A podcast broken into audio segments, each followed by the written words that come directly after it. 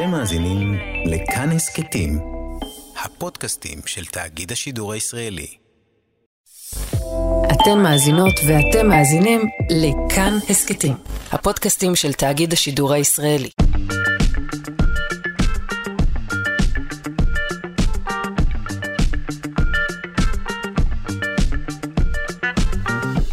שלושה שיודעים. שלום, בוקר טוב לכם, מאזיני שלושה שיודעים. אתם כאן, על כאן תרבות 104.9 או 105.3 FM. היום, בשעה הראשונה, ט"ו בשבט מהזווית המחקרית. אה, נשמע איך נטיעת עצים אה, מונעת מוות. אה, נדבר על גידול צמחים באדמת הירח, וגם נדע סוף סוף מהו באמת ההבדל בין עץ לבין אילן. העורכת שלנו היא אלכס לויקר, על ההפקה אבי שמאי, תמר בנימין, איתי אשת, הטכנאי, דימה קרנצוב, אה, אני שרון קנטור. מזכירה לכם שיש לנו שידור חוזר בשעה שמונה בערב, ושניתן להאזין לנו גם כהסכת. אה, ביישומות של כאן, או בכל יישומון אחר שאתם בוחרים, זה בסדר, אנחנו לא שופטים. בואו נתחיל.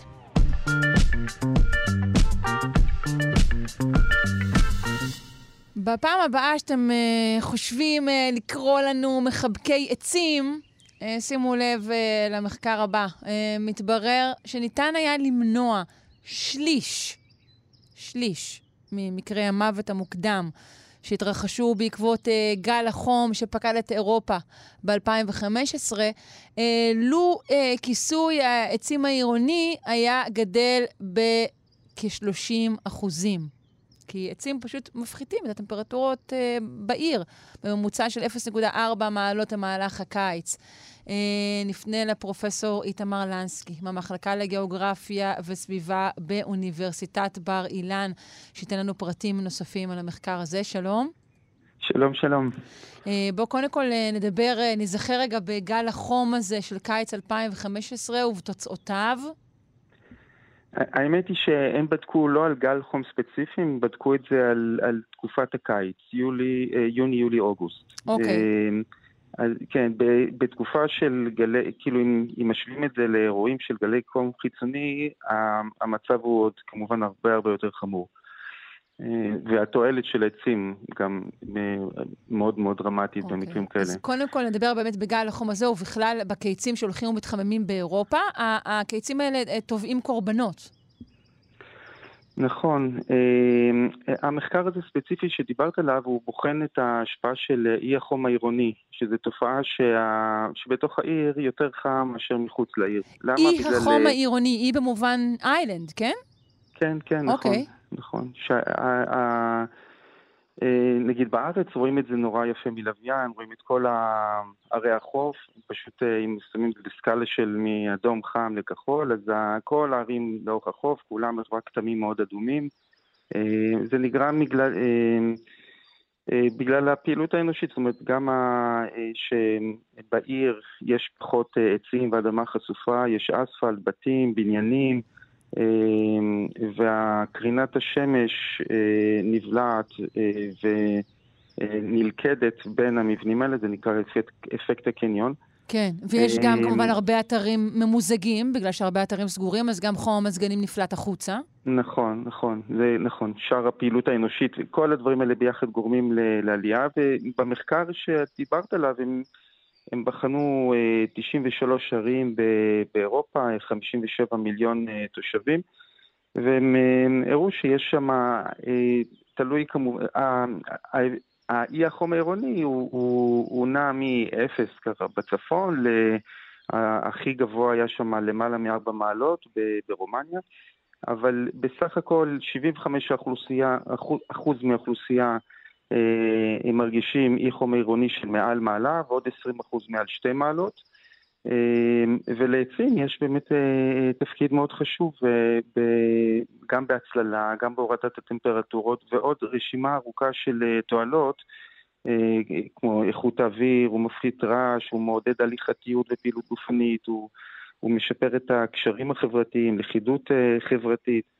אמ, וגם אה, במחקר אה, אחר שעשינו בבר אילן, עשתה אותו אה, דוקטור קרן אגי שי, עם הסטודנטית שלה, רים מוחסן, הם, הם הראו שמה שחשיפה, במקרה הזה זה היה קירות ירוקים, ביחס לסביבה ללא צמחייה, יש ממש שיפור משמעותי בדימוי הגוף, בקשב, הרגשות החיובים משתפרים, הרגשות השליליים יורדים, אז יש לזה הרבה השפעות, גם פיזיולוגיות, גם פסיכולוגיות, אה, וספציפית במחקר הזה הוא דיבר על באמת אה, מניעה של תמותה, של מקרים של, אה, שככל שהחום יותר גבוה, באירופה זה כמובן בדרום ובמזרח, אצלנו זה רלוונטי כמעט בכל מקום, עלייה של מה שאת אמרת בפתיח שלך, שהפחתה מסוימת בטמפרטורה מונעת מקרי מוות. כלומר, אפילו הורדה של, אה, באמת של מעלה אחת יכולה לחסוך אה, הרבה מאוד מקרי מוות, וזה דבר שעצים עושים. מנית יפה את, את כל התפקידים אה, של העצים, כי אנחנו נוטים לחשוב באמת שמדובר בעיקר בנושא ההצללה, אבל, אבל לא כך. לא, ממש לא, יש לזה המון תועלות. כן, הצללה זה, בארץ זה אולי באמת הדבר הכי קריטי מבחינה סביבתית, אבל, אבל יש לזה עוד המון תועלות. כן, כמו כן. שדיברנו, גם... כן, גם יש, אה, היום מדברים על גגות ירוקים, קירות ירוקים, אז זה אה, אה, מפחית את, ה, את הצורך במיזוג ובקירור בקיץ, חימום בחורף, נותן עוד שכבה של בידוד. כלומר, כשאנחנו האזרחים מבקשים מהרשויות שלנו אה, לתכנן אה, את, את, את שילוב הצמחייה והעצים בשלבים ראשונים של בנייה, אה, בתוך שכונות חדשות מרוצפות באספלט. אנחנו בעצם לא דואגים סתם לנוי, אנחנו דואגים לש, לשיפור חיינו, אפילו לא איכות נכון. חיינו, אלא להמשך והארכת חיינו. אה, בסוף השבוע לגמרי, האחרון... זה, כן. תמשיך. כן, הנוי זה חלק מזה. זה, עושה, זה עוזר לאנשים, זה, זה, זה פותר המון בעיות שבסופו של דבר עולות על הרבה כסף. זה... כן, אמ, צריך להגיד כסף כדי שמישהו יקשיב כנראה, נכון. בסוף השבוע האחרון אה, קראנו בעיתונים שבריטניה מקדמת אה, רעיון מעניין, שכל אזרח בריטי אה, יצטרך להיות, כלומר, רוצים שיהיה במרחק של עד רבע שעה הליכה מפארק, שמורה, ביצה או יער. אה, זה הכיוון שאליו אה, הולכת בריטניה. אה, אני לא חושבת שישראל הולכת בכיוון הזה, לפחות כמו שנראה תכנון הערים כאן. נכון, יש, זאת אומרת, יש גישה כזאת, את נתת באמת את הצד, נקרא לזה, את הטבע, אבל יש גם גישה בכלל שתכנון טוב, הוא מאפשר לכל אזרח שיהיה לו במרחק של 15 דקות הליכה את כל הדברים החיוניים שצריך, כולל חינוך, בריאות, מזון, הכל. ואז המשמעות היא שהוא צריך הרבה פחות להזיז את האוטו, הוא כנראה יזוז ברגל הרבה יותר בשביל uh, uh, לצרוך את כל השירותים האלה, וככה הבריאות שלו תגדל, ההשפעה שלנו לסביבה השלילית כמובן תקטן, וזה uh, זה באמת, זה, זה סוג של תכנון ש, שבאמת שם את, ה, את האדם עם כל הצרכים שלו במרכז. אמ, כן, זה ה... כן, זה גם זה, ושוב, ספציפית, אני יודעת שבבריטניה גם אה, לפני כמה חודשים שמענו שרופאי משפחה רושמים טיול בטבע אה, עבור אה, כל מחושים שונים. אז כנראה שהמודעות לחשיבותם של העצים וחשיבותו של הטבע שם היא גבוהה יותר. ונחזור שוב על המחקר שאיתו פתחנו. ניתן היה, וגם ניתן יהיה, למנוע מקרי מוות מוקדם רבים אה, שפוקדים אה, את אירופה וגם אה, אותנו אה, בעקבות גלי חום, על ידי אה, כיסוי עצים עירוני רחב יותר. אני מודה לך מאוד, פרופ' איתמר לנסקי, המחלקה לגיאוגרפיה וסביבה באוניברסיטת בר אילן. יום טוב, אה, ט"ו בשבט שמח. יום טוב, תודה לכם. ביי.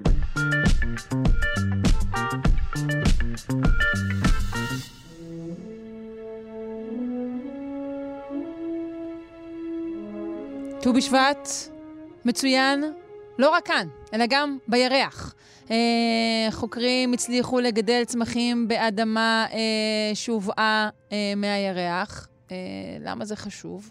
בואו נשמע מהדוקטור רעות סורק אברמוביץ', אסטרוביולוגית חוקרת המרכז המדע, ים המלח והערבה, ויושב ראש אגודת מאדים הישראלית. היי, מה שלומך? בוקר טוב, בוקר טוב, מה המצב? אה, טוב מאוד, חג שמח לך.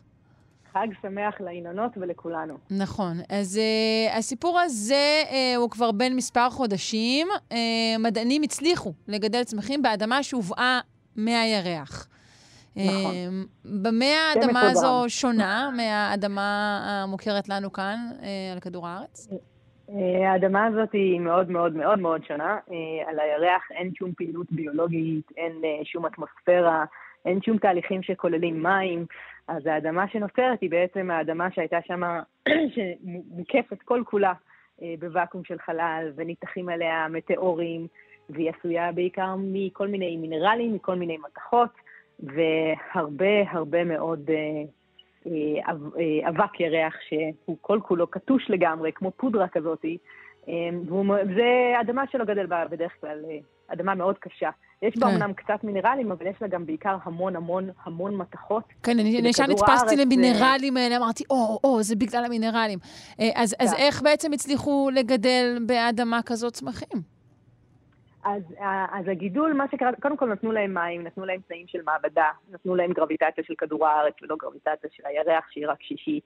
אה, חוץ מהאדמה, כל התנאים היו תנאים אידיאליים לגדילה של צמחים, חוץ מהאדמה עצמה.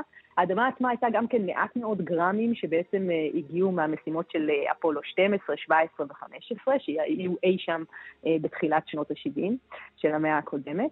וכבר האמת היא שניסו לגדל בהם דברים, מצאתי מאמר ב-1971 שעשה את זה כבר בעבר, אבל ב-1971 אה, היה לנו פחות אמצעים להבין מה קורה לצמח. אז אה, מה שקרה במאמר הנוכחי זה שהם בדקו הרבידופסיס טליאנה, שזה צמח מודל ואורגניזם וצמח מדהים, שאנחנו גם מכירים את כל הגנום שלו. אז חוץ מלהבין כמה השורשים גדלים וכמה זמן לוקח לו ואיך נראים העלים ומה מצב הפיגמנטים וכל הדברים האלה, וגם מה תכולת העלים מבחינה כימית ודברים כאלה, הם היו מסוגלים גם אה, לקבל את התגובה של הגנים. האם הגנים, איזה גנים בדיוק הופעלו כשהצמח גדל כל כולו באדמת ירח בתנאים mm-hmm. של כדור הארץ. אה, והם גילו, מה שלא מפתיע, כי תמיד אנחנו מגלים את זה, שברגע שמשתמשים בחומרים אה, שהם שונים מהאדמות אה, של כדור הארץ, ויש מגוון מהם, אוקיי? יש מגוון אדיר, אבל ברגע שמתחילים, הצמח הוא לא, לא מותאם לזה מבחינה אידיאלית, והוא קצת קצת אה, צולע. אז השורשים הם נורא קטנים והם נורא כתומים כאלה, ואין לו הרבה פיגמנטציה, כי הוא לא מצליח לייצר מספיק כלורופיל, והוא צמח עצוב, אוקיי? כן. צמח עצוב, אבל צומח. אבל צומח, צומח בכל אבל זאת. עצוב. כלומר, כן. אנחנו יכולות להניח, אה, בהכירנו את האופן שבו אה, צמחים, ובכלל הטבע מתמודד, שנגיד לאורך של פרק זמן מסוים, אה, החל מעשרות, מאות ואלפי שנים, צמחים אולי יתאימו את עצמם. אם, אם יכולים בכלל, אם נוצר משהו, אם חיים נוצרים, אז הם גם יתאימו את עצמם. ההתאמה והאדפטציה של צמחים לתנאים היא, היא קורית כל הזמן, יש להם כל הזמן, את יודעת, כל, כל הסיפור כן. של האבולוציה, היא באמת קורית בטווחי זמן מאוד מאוד ארוכים, אבל ספציפית אנחנו יודעים שלירח כרגע אין, אין שום דבר לא צומח, לא צומח ולא יכול לצמוח. כלומר, עדיין צריכים את התנאים שלנו פה. כן. האדמה הזאת כשלעצמה, לא. אבל כן. אם מביאים את זה לפה ונותנים, שוב, את השמש ואת המים, את כל התנאים ואת האטמוספירה שלנו, אז זה כן עובד. את התאורה הנכונה. את הטמפרטורות הנכונות, mm-hmm. את המים. אז מה שמעניין פה זה שתאורטית את יכולה לייצר את התנאים האלה אה, על הירח, ולעשות חממה קטנה ואוטונומית, לדוגמה, אה, ולראות מה, מה גדל לך ואיך הוא גדל לך וכל מיני דברים כאלה. אז זה רק לדעתי... חוסך לי אבל להביא שקים של אדמה על הירח, כי את כל השאר אני צריכה להביא.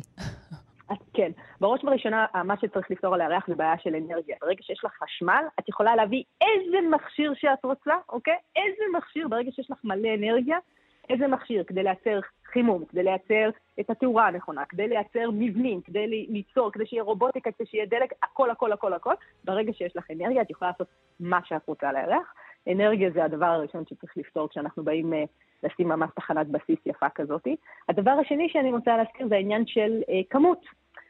שוב פעם, את יכולה לגדל מעט עם אדמת ירח, שזה יפה מאוד, אבל בסופו של דבר את רוצה שיהיה לך שם בסיס, את רוצה שיהיו שם לפחות עשרות אנשים, את רוצה לעשות סתם, יש אנשים שמדברים לפעמים על פארק תעשייתי, ויש אנשים שמדברים על מלונאות, ויש אנשים שמדברים על תעשיות מחצבים.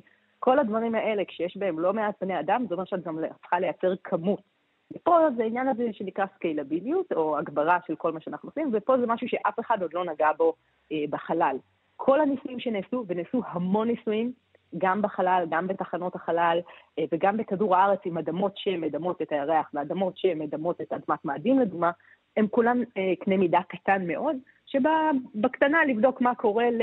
הניסוי הישראלי המפורסם כמובן זה איך חומוס מונבט בתחנת, בתחנת החלל הבינלאומית, אבל יש עוד הרבה, אם לא מאות ניסויים שנעשו בצמחים שונים כמו חיטה, כמו קישו, כמו חסה, ודברים נוספים, הרבידוקסיס טליאנה הוא כמובן, כמו שאמרתי, צמח מודל שאנחנו אוהבים לחקור אותו המון, אבל כל הדברים נעשו בעצם באיזשהו קנה מידה יחסית קטן, אה, ובסופו של דבר כשאנחנו רוצים לפרוץ אל הירח, ואנחנו רוצים לפרוץ ולחיות, ולחיות טוב בתחנות חלל מסחריות, אנחנו נצטרך אה, להתחיל אה, להגביר את הייצור.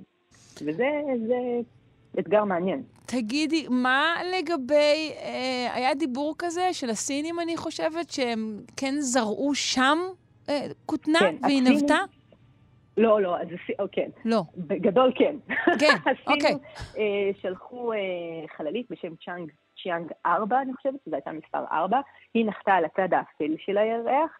בתוך החללית עצמה היה באמת, אה, אחד הניסויים הביולוגיים היה אה, נבט של חיטה יכול להיות באמת, שהיה כבר בתוך קונטיינר עם אדמה מכדור הארץ וכל הדברים האלה, ומה שהם הראו זה שפשוט אחרי כמה זמן, כשהחללית כבר נחתה על הירח, אה, וכל ה... ועבר זמן, אז הנבט הזה פרץ החוצה ונותרו הניצנים, העלים הראשונים של אותו, של אותו צמח. Mm. וכאילו זה היה מאוד מרגש להראות שנבט שהגיע עם אדמת כדור הארץ יכול לנבוט בחללית סינית על הצד האפל. אבל הוא נבט בתוך החללית או בחוץ כן. שם?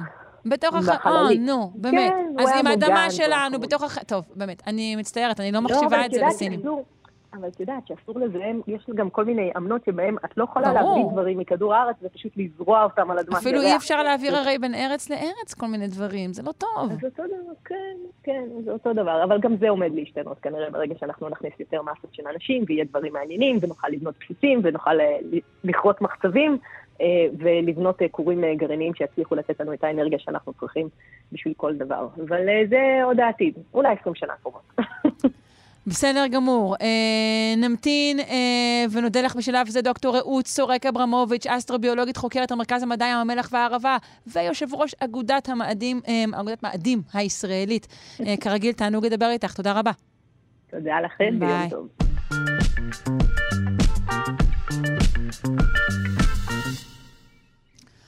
שוחחנו כאן uh, בשבוע שעבר בפינת הקיימות uh, uh, על, uh, על צמחים ועצים שגדלים uh, בערים, ואנחנו פשוט לא כך שמים לב אליהם. Uh, אנחנו רוצים להביא לכם מחקר uh, שמפנה זרקור אל המשאב הזה שלרוב אנחנו נוטים uh, לזלזל בחשיבותו. נפנה לדוקטור אורן שלף מהמחלקה למשאבי טבע במכון למדעי הצמח, אה, מנהל המחקר החקלאי במכון וולקני. שלום. שלום, שלום.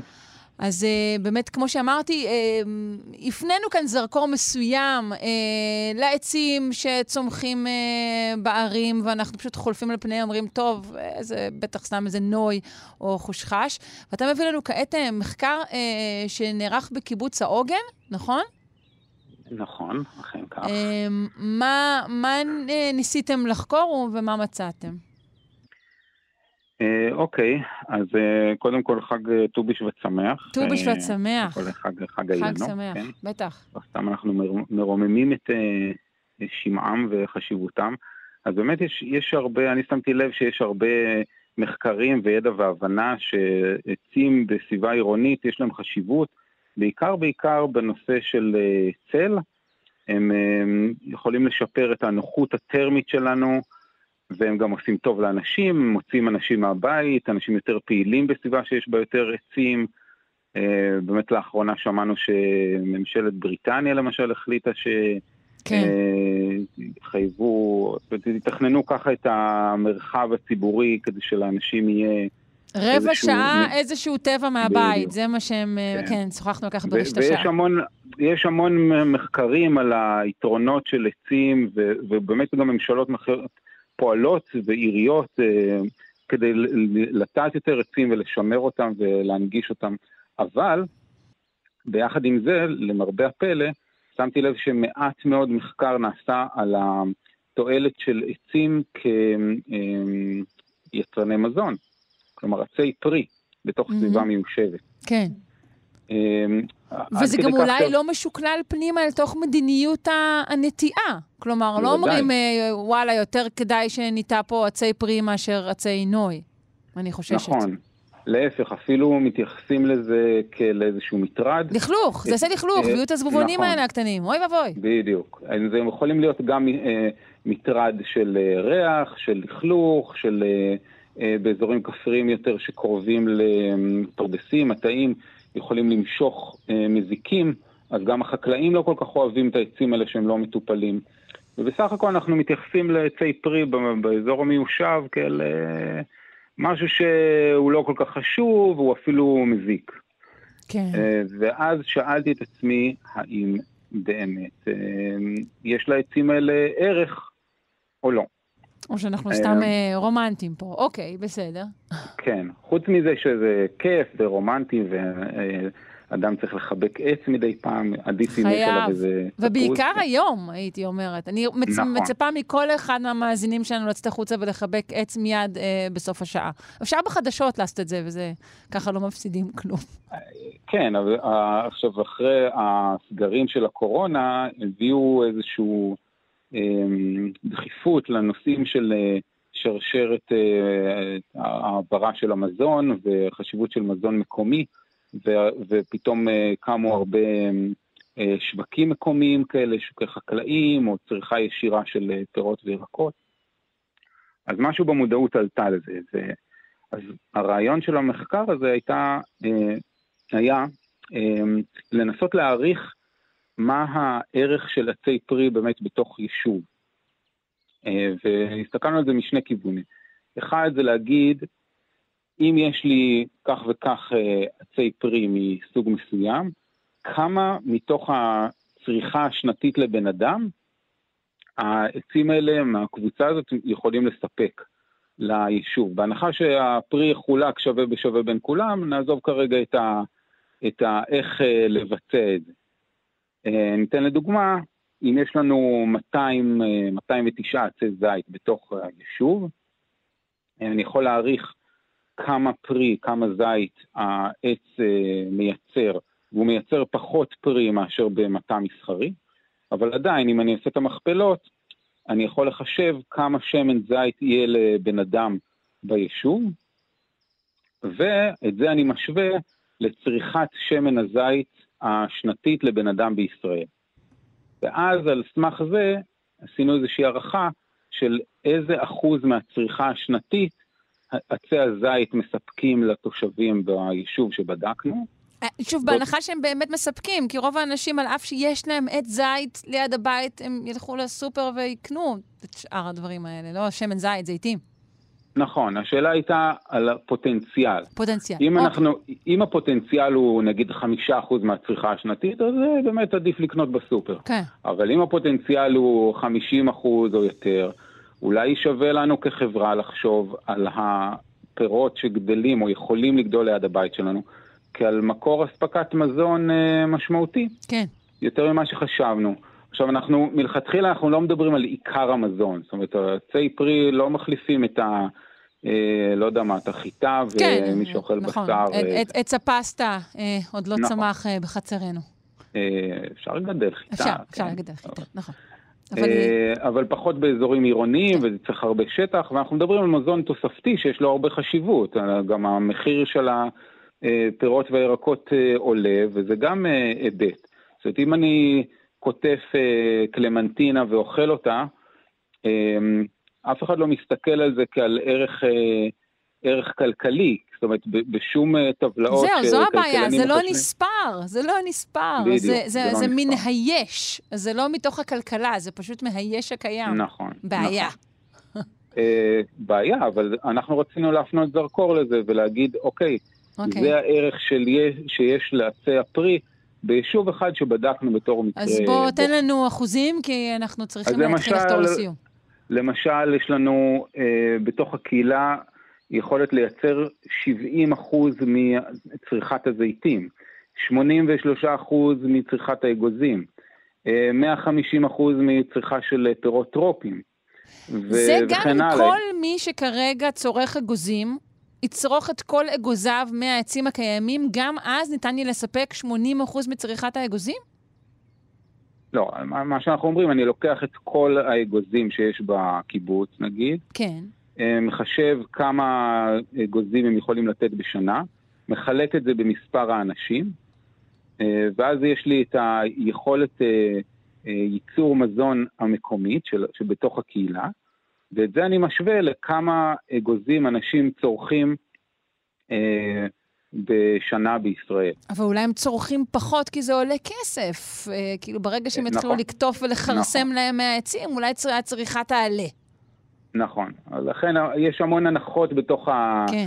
החישוב הזה שעשינו, אבל הוא נותן איזשהו כיוון ומראה שבסך הכל... זה לא יש, לא עניין אה, זניח, זה עיקר ממש הדבר. ממש לא, ממש לא.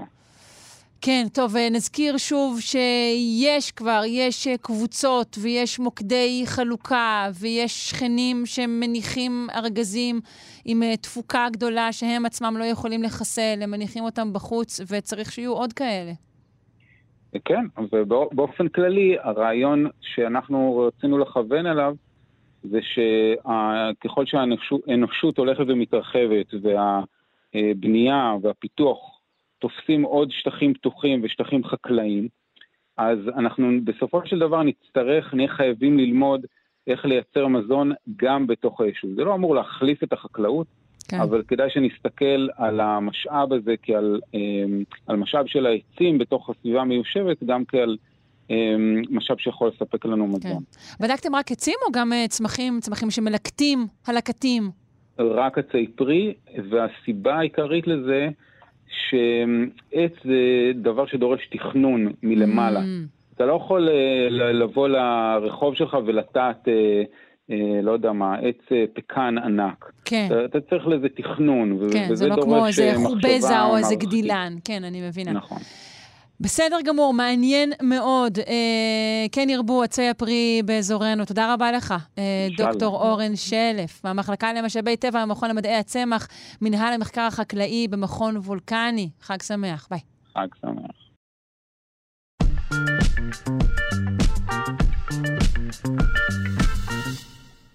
אנחנו ממשיכים עם תוכניתנו המיוחדת אה, לרגל ט"ו בשבט, ועכשיו אנחנו עם התמר, עם פרי התמר, אבל לא סתם. התמר כראי חברתי. אה, מחקר בדק יחס של אה, צרכנים אירופאים כלפי מזון אתני. מזון אתני, קרי תמרים. אז אה, בואו תנסו לנחש מי מוכן לשלם יותר עבור מזון אתני ומי בודק מה מבחינת אוכלוסיות. תחשבו, נשים, גברים, השכלה גבוהה, נמוכה, גילאים.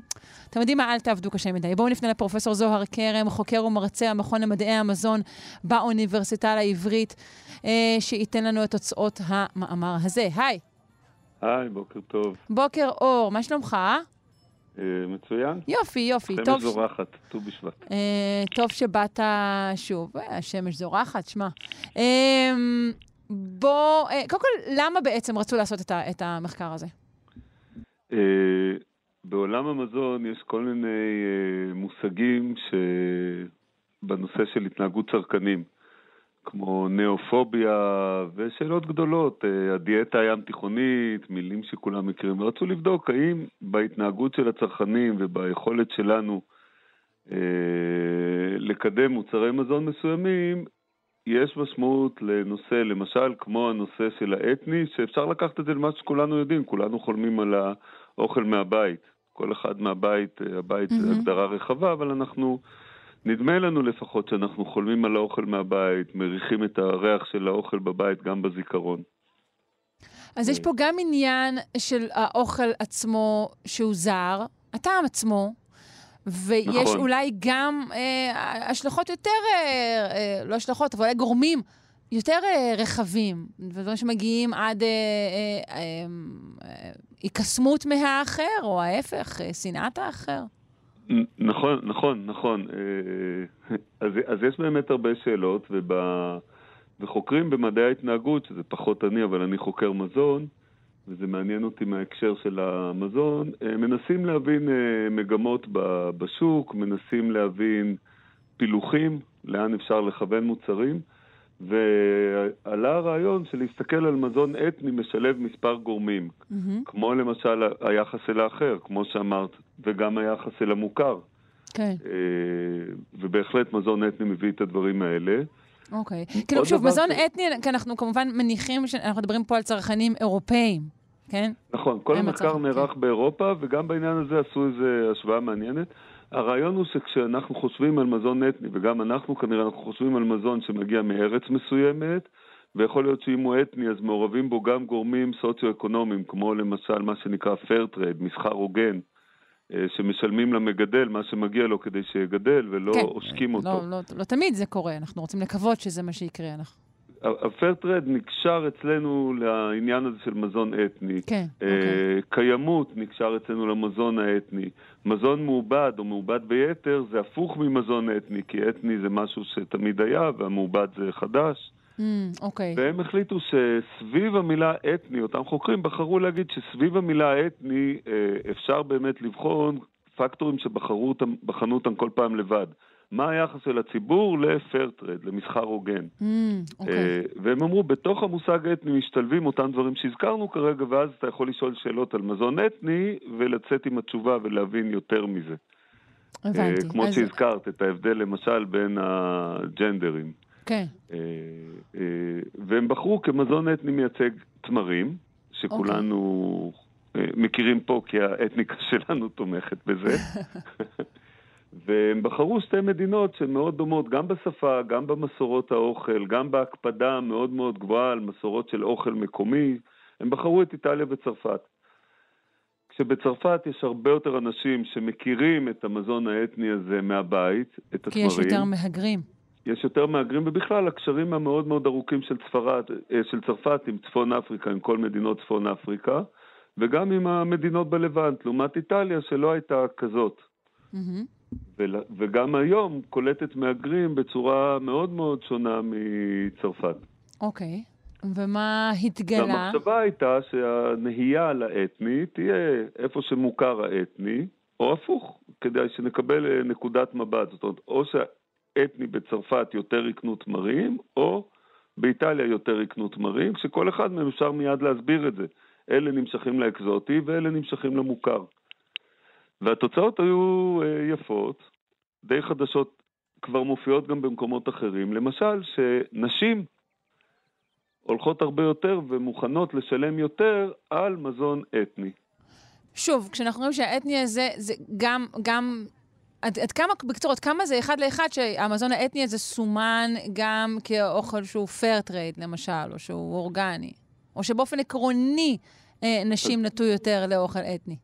אז באופן עקרוני וגם בעבודות אחרות, נשים נוטות יותר לשלושה דברים, לאוכל אתני, לאוכל שנקשר אה, בתודעה לבריא, ופה יש חיבור מאוד, אה, הם, בשאלונים הם סימנו אתני ובריא ביחד. Mm, אוקיי. ומונח שנלקח ממאמרים אחרים שעל פיהם נקבע כל המחקר הזה ונמדדו זה שנשים אה, יותר נוטות לעשות מעשים אלטרואיסטיים בטווח האפשרי, נגיד ככה, אני, אני מקווה שניסחתי את זה נכון, את הכלל המאוד מאוד רחב, ושוב, אינני איש מדעי ההתנהגות, אבל המילה אלטרואיסטי מופיעה שוב ושוב במחקרים בצריכה של מזון בהקשר להרגלי קנייה של נשים. שהדאגה לפרטרד, שהדאגה לעולם והדאגה גם הביתה מופיעה אצלם בתור אנחנו מוכנות לשלם יותר על מזון. על מזון שהוא, שהוא הוגן, שהוא בריא, דברים נכון, כאלה. שהוא אוקיי. מכיל ערכים. Mm. מזון שיש בו מזון ערכים. שיש בו ערכים. יש טיפוסים אה, רומנטיים, יפה. נכון, אה, נכון.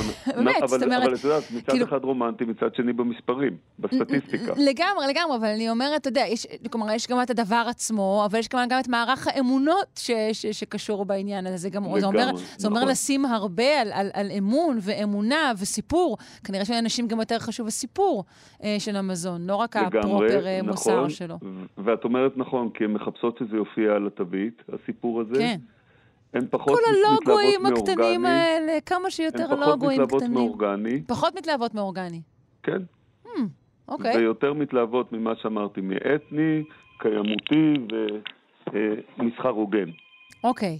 אה, אילו עוד פילוחים אה, עלו מהמחקר אז, הזה? אה, אני רק רוצה להגיד שהממצא המעניין הזה קרה גם בצרפת וגם באיטליה, כשמראש ההנחה הייתה שאו צרפת או איטליה יהיו שונות, ונוכל להסיק מסקנה קלה. כן. אבל אז התברר שאנשים גם בצרפת וגם באיטליה, ומדובר על כמה מאות נשים בכל ארץ, העדיפו, את ה... העדיפו ללכת למזון האתני, שפה המוקד הוא תמר. מה שעוד התברר זה שבנטייה הגורפת, הצעירים יותר, אלה שנקראים, אני חושב, Z Generation, אהה. X Generation, היותר לא, צעירים. ה-X כבר לא, לא צעירים ה-X כל כך. כבר לא אה, צעירים, ה- ו- Y ו-Z הם היותר צעירים. Y זה עד גיל 41 ככה, ו-Z זה עוד מתחתם. נכון, אז ה-Z היו מוכנים יותר באופן גורף ללכת על אותן הגדרות של fair trade ואתני, ו... ולכן הם באו מבחינת המחקר הזה מיד אחרי הקבוצה של נשים, כמובן גם יש חפיפה בין הקבוצות. ומה שהיה מעניין לגבי ה-Y זה שהם מוכנים חד פעמי להוציא המון כסף בשביל הסיפור. אבל רגע, מה... מה אבל לא האם, במתמשך. האם אה, נבדקה האתניות של הצרכנים עצמם? אולי פשוט בדור מסוים יש יותר מהגרים? או שמלכתחילה לקחו אנשים לקחו שהם מדגם- ילידי ו... לקחו מדגם הכי הכי אה, רחב, רחב, שיש, אוקיי. אבל, אה, ואני אומר שוב, היו כמה מאות.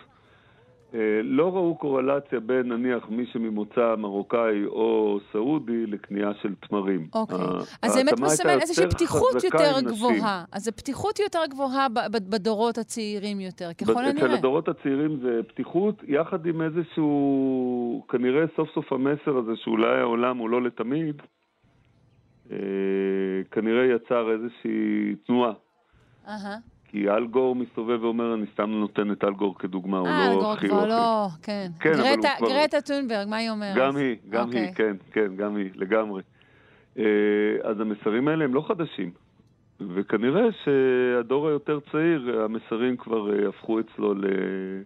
אז הדור הצעיר קיבלו- מוכן, מוכן לשלם יותר על מזון שהוא סוסטיינבל, שהוא מקיים? נכון, וזה, וזה שוב, sustainable, והצליחו לקשור את זה סטטיסטית לנושא של אתני ב- בעבודה הזאת. כן, כן, הבנתי. אה, אוקיי, מה לגבי השכלה? למשל, יש איזשהו קשר? השכלה לא, לא נמצאה כגורם מאוד משפיע. יפה. אה, בסדר גמור, אז אנחנו למדים וכמו כך. שהנכד שלי שאל אותי, כן. אה, סבא, אה, התמר הזה זה לא תמר, זה לא פירות יבשים לט"ו בשבט, זה ככה אוכלים תמרים.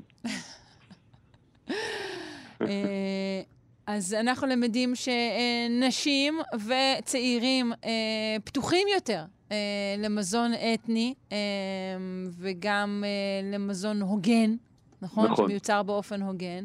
מחפשים אותו, הייתי אומר יותר, אותו. יותר אקטיביים מפתוחים, הם ממש מחפשים, מחפשים אותו. ו- ומחפשים, כמו שאמרת, את הסימנים הברורים על כן. האריזה.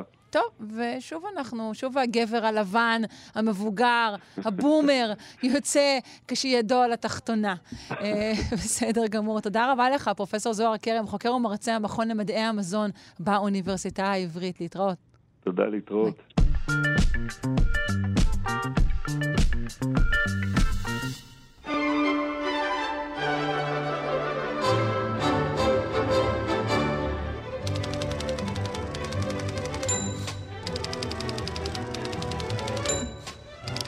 אלו אגוזים שמתפצחים או מקשיה של מכונת כתיבה?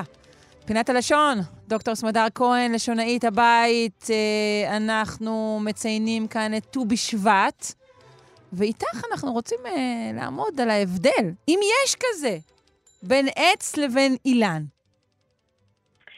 שלום, שרון. שלום. אולי שקדים שמתפתחים אם אנחנו אולי. פה בט"ו בשבט נכון, כזה? אולי אלו שקדים. אה, כן, אז זה כן, ט"ו בשבט אה, בהחלט אה, אה, שווה לדבר טיפה על ההבדל כן או לא בין עץ ובין אילן. אנחנו אומרים ט"ו בשבט חג לאילנות, נכון? אבל כשאנחנו הולכים לנטיעות, אז אנחנו נוטעים עץ או עצים. אז איך יכול להיות ולמה? למה אילנות? חג, חג, חג האילנות, אבל אה, נטיית עצים. אה, אז אולי רק נאמר שאם אנחנו אה, הולכות ככה למקורות ומבררות מהו בעצם אה, ט"ו בשבט הזה, אז אנחנו יודעים לומר שהפעם הראשונה שאנחנו פוגשים ט"ו בשבט זה במשנה. ובמשנה אנחנו מוצאים מחלוקת, לא תאמיני, על מהו החג הזה של האילנות. ראש השנה לאילן, כך הוא נקרא במשנה, ראש השנה לאילן, ויש מחלוקת בין בית הלל לבין בית שמאי, מתי הוא קורה בכלל. אז בית שמאי אומרים באחד בשבט, כלומר בראש חודש שבט, ובית הלל אומרים בחמישה עשר בשבט.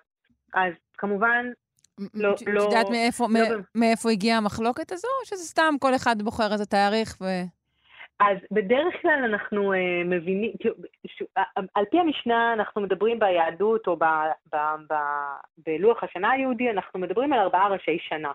Uh, יש ראש השנה שאנחנו מכירים uh, שלנו, uh, שהוא ראש השנה לשנים, לשמיטים וליובלות, נקרא במשנה. שוב, אנחנו מזכירים שאנחנו מדברים על חברה חקלאית, שכל ראשי השנה או כל החגים והמועדים שהיא חוגגת ומציינת קשורים באיזשהו אופן לשנה החקלאית. אז מה שאנחנו חוגגים היום בראש חודש אה, תשרי, כראש השנה אה, הכללי שלנו, אה, היהודי, הוא בעצם ראש השנה שעל פיו מחשבים שמיטה, שנת שמיטה אה, במשנה. אה, אחד אה, בניסן, או, או יש שאומרים אה, אה, בסמוך לפסח, כן? אה, אנחנו מדברים על ראש השנה, שהוא ראש השנה האמיתי. בחודש ניסן היה החודש הראשון בלוח השנה אה, המקורי שלנו, ואחד בשבט כנראה שוב, כי בעצם מחלקים את השנה לארבעה אה, רבעים, והאחד בחודש הוא בדיוק הרבע אה, הרביעי, אם אנחנו מתחילים מניסן.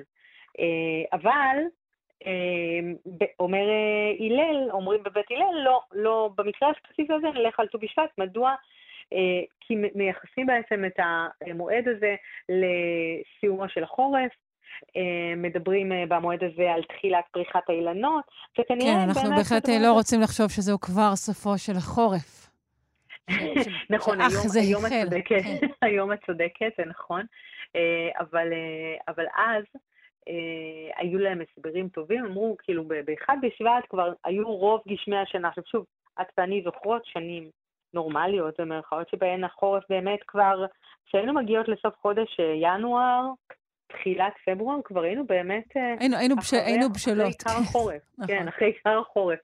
אה, אז באמת, זאת, זאת המחלוקת על ט"ו בשבט, ושם, כשאנחנו מוצאים את המחלוקת הזאת, מוצאים את הדיון על התאריך בכלל, אז באמת קוראים לחג הזה או למועד הזה אה, ראש השנה לאילן. אז מה ההבדל לכאורה? אז התשובה נתונה כבר בגוף השאלה. מהרגע שאמרנו שאילן נמצא במשנה, אנחנו מבינים שזה העניין. יש לנו בעברית כמה רבדים, יש, אה, כל, יש לנו תקופות שונות של אה, קיומה של העברית. בכל תקופה מילים שימשו ו/או השתנו אה, בהתאם לדוברים.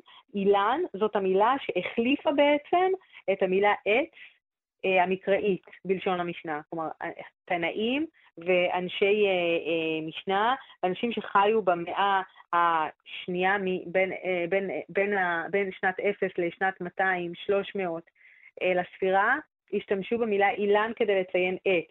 אבל עץ שימש הרבה הרבה קודם, אה, בלשון המקרא, אה, כמה אה, מאות רבות של שנים אה, קודם לכן.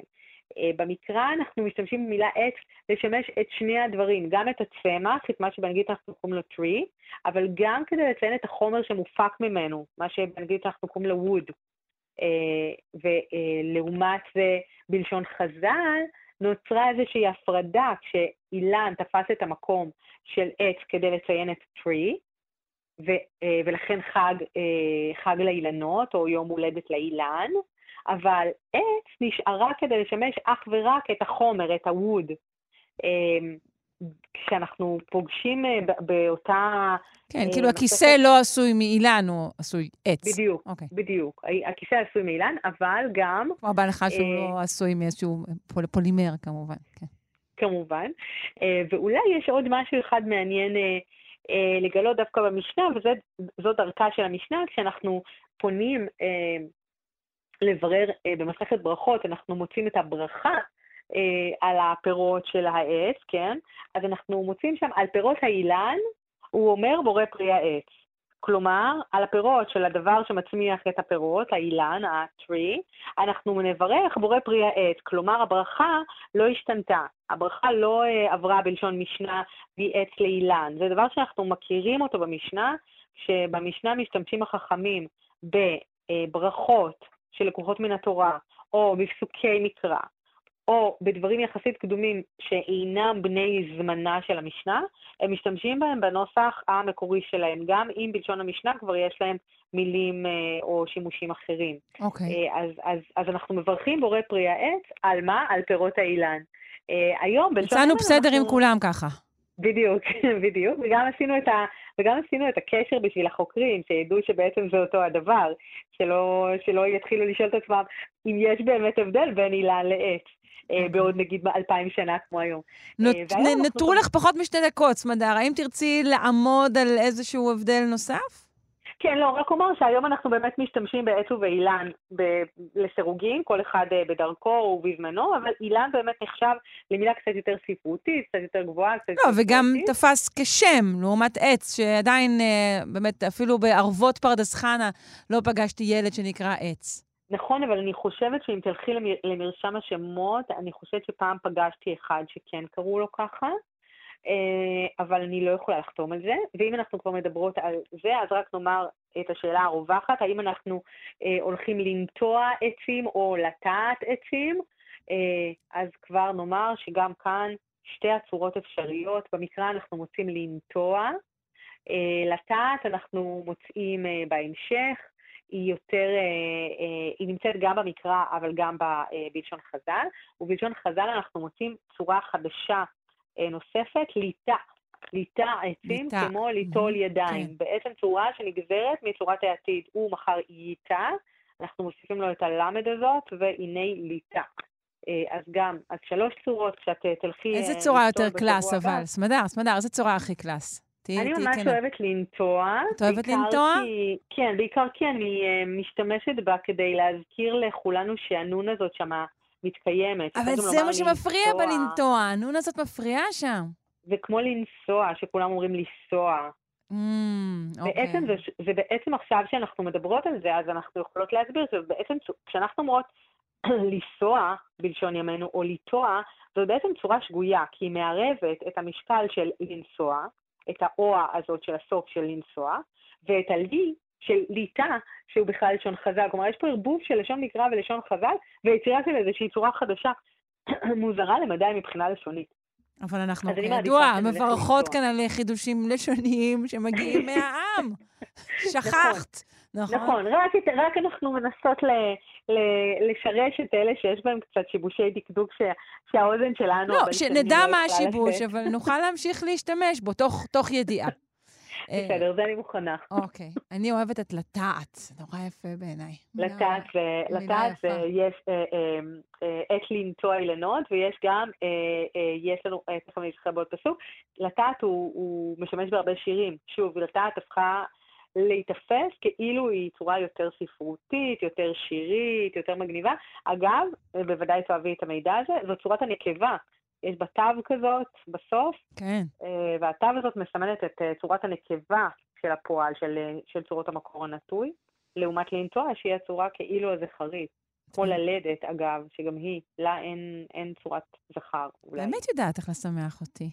אה, נכון. טוב, אז נאחל לך... אה, לא, לא, לא, לא נוכל להגיע לשקדיה ודובדבניה, שמי בכלל יודע מה זה.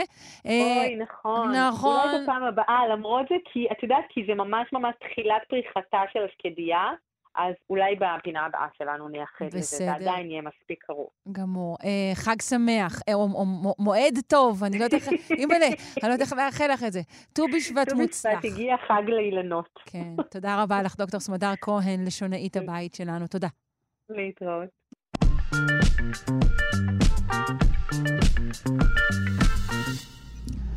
חוקרים פיתחו טכנולוגיה חדשה של התקני לייזר עבור שעונים אטומיים זעירים. אה, נשמע הכל אודות הטכנולוגיה הזו, אה, וגם זה באמת הזמן לדבר על שעונים אטומיים אה, ככלל. נפנה לפרופסור מאיר אורנשטיין מהפקולטה להנדסת חשמל ומחשבים בטכניון, ומנהל המעבדה למיקרו וננו פוטוניקה. שלום. שלום, בוקר טוב. בוקר אור, תודה רבה שאתה איתנו. אה, מהו בדיוק שעון אטומי ולמה הוא משמש?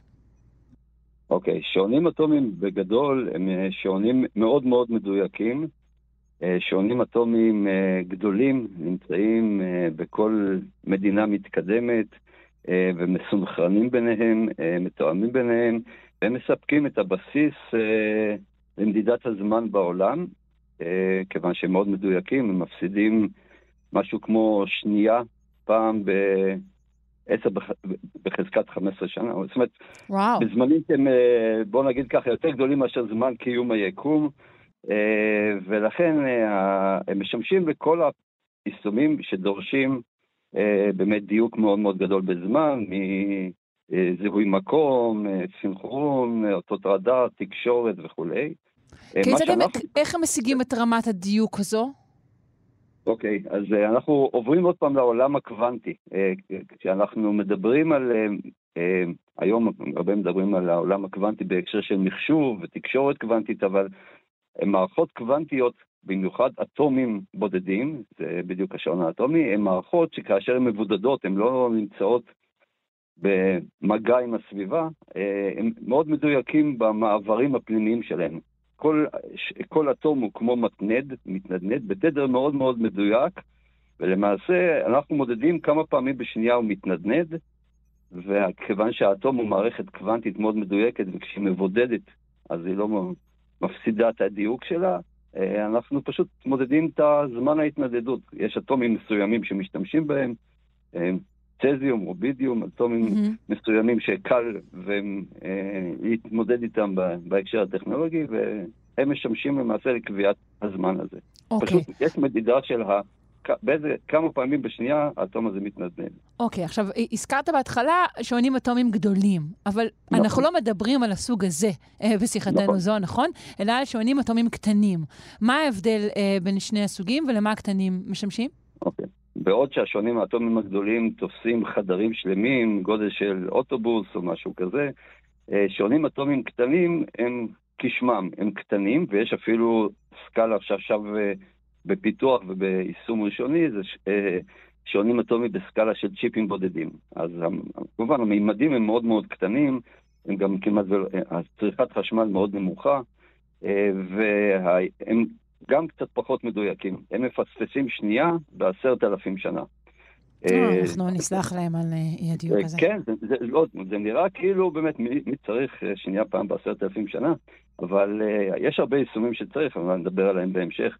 השונים האלה הם מאוד קטנים, הם כמו שאמרנו, הם כמה סנטימטרים על כמה סנטימטרים, בקרוב אפילו כמה מילימטרים על כמה מילימטרים.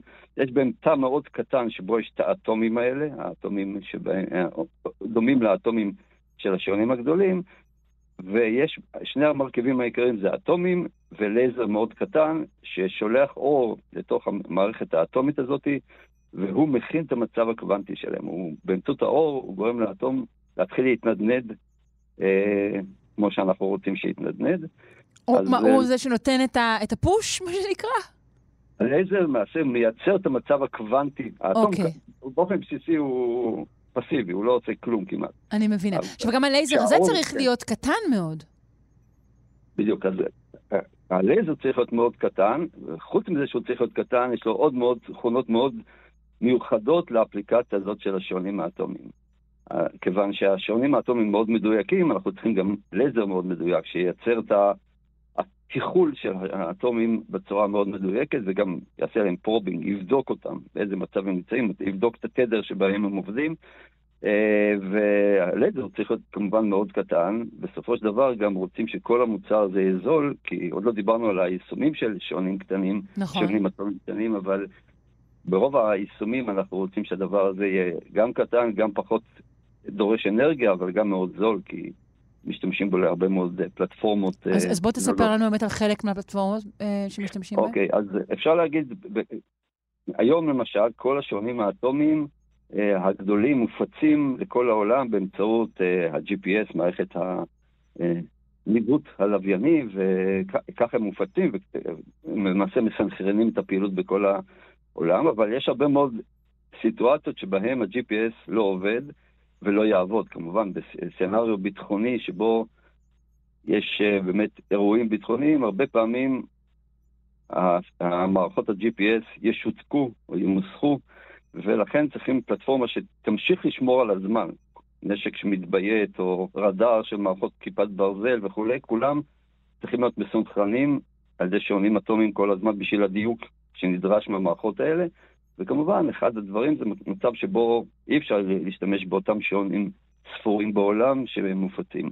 זה סוג אחד. Mm-hmm. אבל יש הרבה מאוד יישומים אחרים, אה, מיפוי, אה, פלטפורמות אה, זולות, כמו רכב אוטונומי בעתיד, או טילים, או רקטות, או כל מיני דברים כאלה, שבהם באמת צריכים דברים זולים.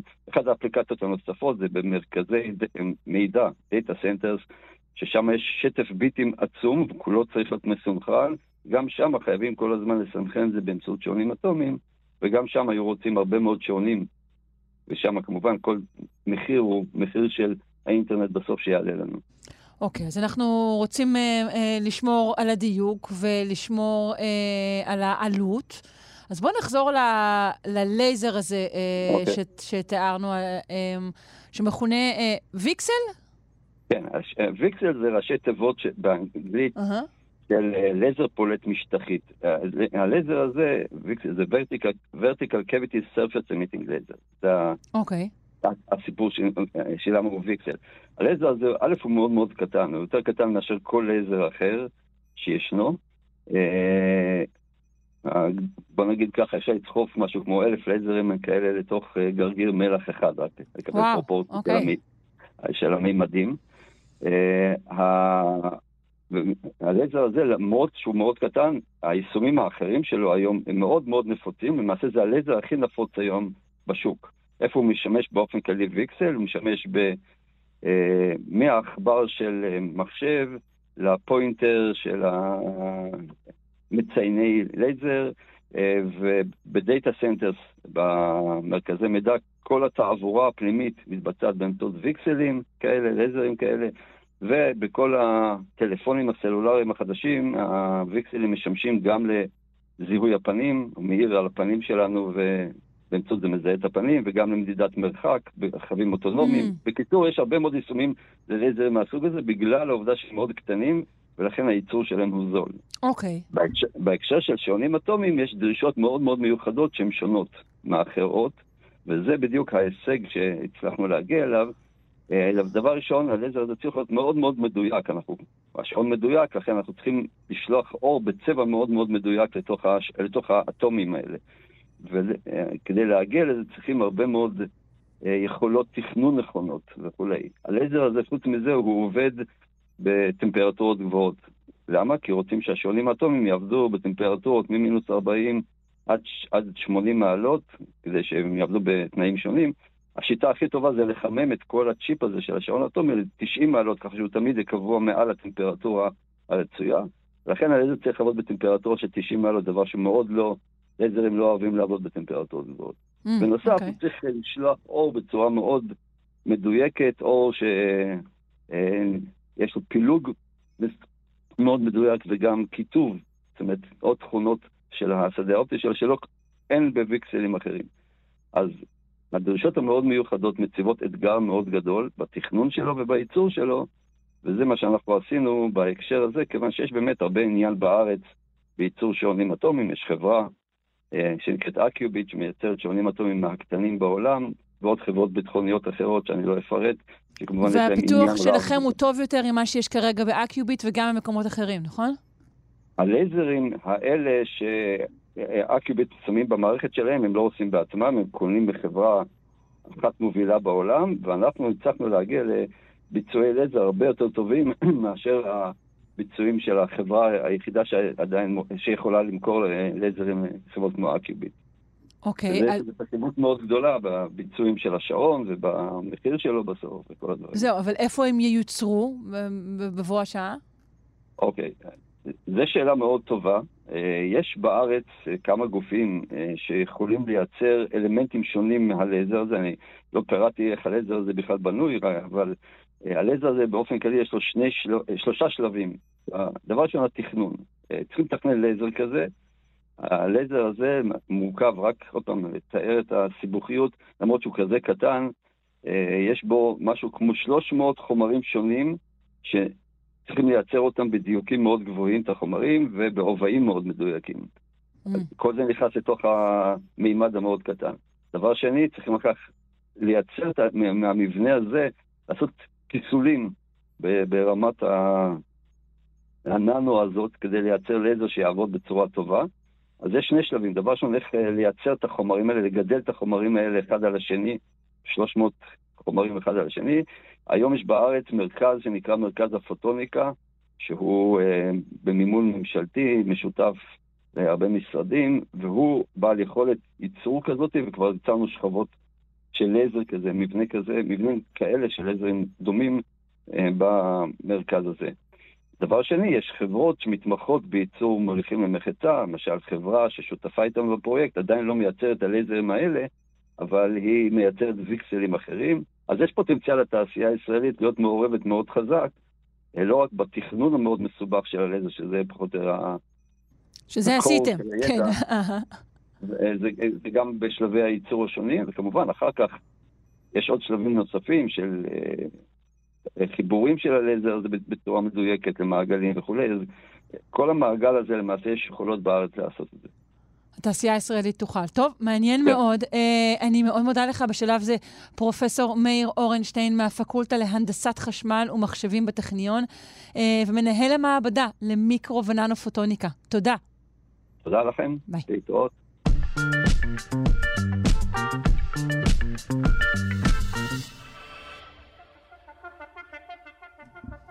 אנחנו עם הפינה האהובה מנפלאות המוח של הדוקטור נועה אלבלדה ממרכז סגול למוח ותודעה באוניברסיטת רייכמן. בוקר טוב. בוקר מצוין. אה, נכון שהבטחתי לך שאם אה, לא תלכי ברחוב עם הוואנזי חד קרן שלך, אז את תקבלי ממני ממתק? אה, כן, זכור לי משהו כזה. אז אל תשאלי, אל תשאלי, אני בדיוק בלי ארנק, ולא מקבלים שם כרטיס אשראי, לא תוכלי לקבל את הממתק שלך, נועה, אני נורא נורא מצטערת, אל תבכי. אה, איזה תירוצים. Mm, תירוצים. האם זיהית שמדובר בתירוץ גרוע? אה, כן, האמת שכן. Mm, הבאת אה, מחקר שמוכיח שילדים צעירים מאוד יכולים לזהות תירוצים אה, רעים, נכון? נכון, נכון, זה מחקר שהסתכל על ילדים בטווח הגילאים של בין אה, שלוש וחצי שנים לחמש וחצי שנים, ובדק uh, עד כמה בגיל הזה הם מזהים לא סתם תירוצים גרועים, אלא תירוצים שיש מאחוריהם איזושהי הצדקה מוסרית, לעומת תירוצים שהם יותר, uh, בואי נגיד, אגואיסטים. Hmm, וואו, זאת ממש הבחנה עמוקה. כן, כן.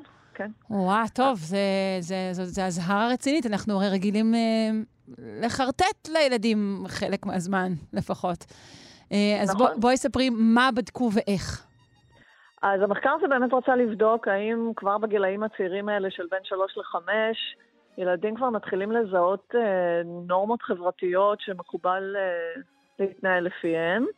ומה שבעצם עשו, לקחו קבוצה של משהו כמו 60 ילדים, 30 ילדים בני שלוש וחצי, עוד 30 ילדים בני חמש וחצי, אמ, והראו להם מין אה, אה, בובות מדברות, אה, והבובה אמרה להם, אני עוד רגע אלך, אני אביא צעצוע סופר מגניב ואני אראה לך אותו, ואז הבובה הלכה. חזרה בלי הצעצוע, או שהיא לא נתנה הצדקה ללמה היא חזרה בלי הצעצוע, או שהיא נתנה איזושהי הצדקה שהיא מקובלת חברתית. למשל, היא אמרה, תקשיב, אני רציתי לחזור עם הצעצוע, אבל בינתיים הייתי צריכה לעזור לחבר שלי עם השיעורי בית שלו. אוקיי. Okay. או שהיא נתנה, כן, או שהיא נתנה הצדקה פחות מקובלת חברתית, כמו, הלכתי להביא את הצעצוע, אבל האמת שיותר התחשק לי לשבת ולראות uh, טלוויזיה. זאת איזושהי סיבה שהיא יותר אגואיסטית. והילדים אה, שאלו אותם עד כמה ההתנהגות הזאת היא טובה, רעה, וראו שכבר בגיל שלוש, ובטח אצל הילדים בגיל חמש, הם ידעו לסווג את התירוצים לתירוצים טובים, זאת אומרת, זה בסדר שהוא עשה ככה, זה לא בסדר שהוא עשה ככה, זה מעניין. כלומר, רגע, אז קודם כל, האם ככלל העדיפו מצב של תירוץ כלשהו? אז, אז אני אגיד שבעצם מבחינת השיפוט שלהם, הם, אה, הם העדיפו בובות שנתנו תירוץ טוב.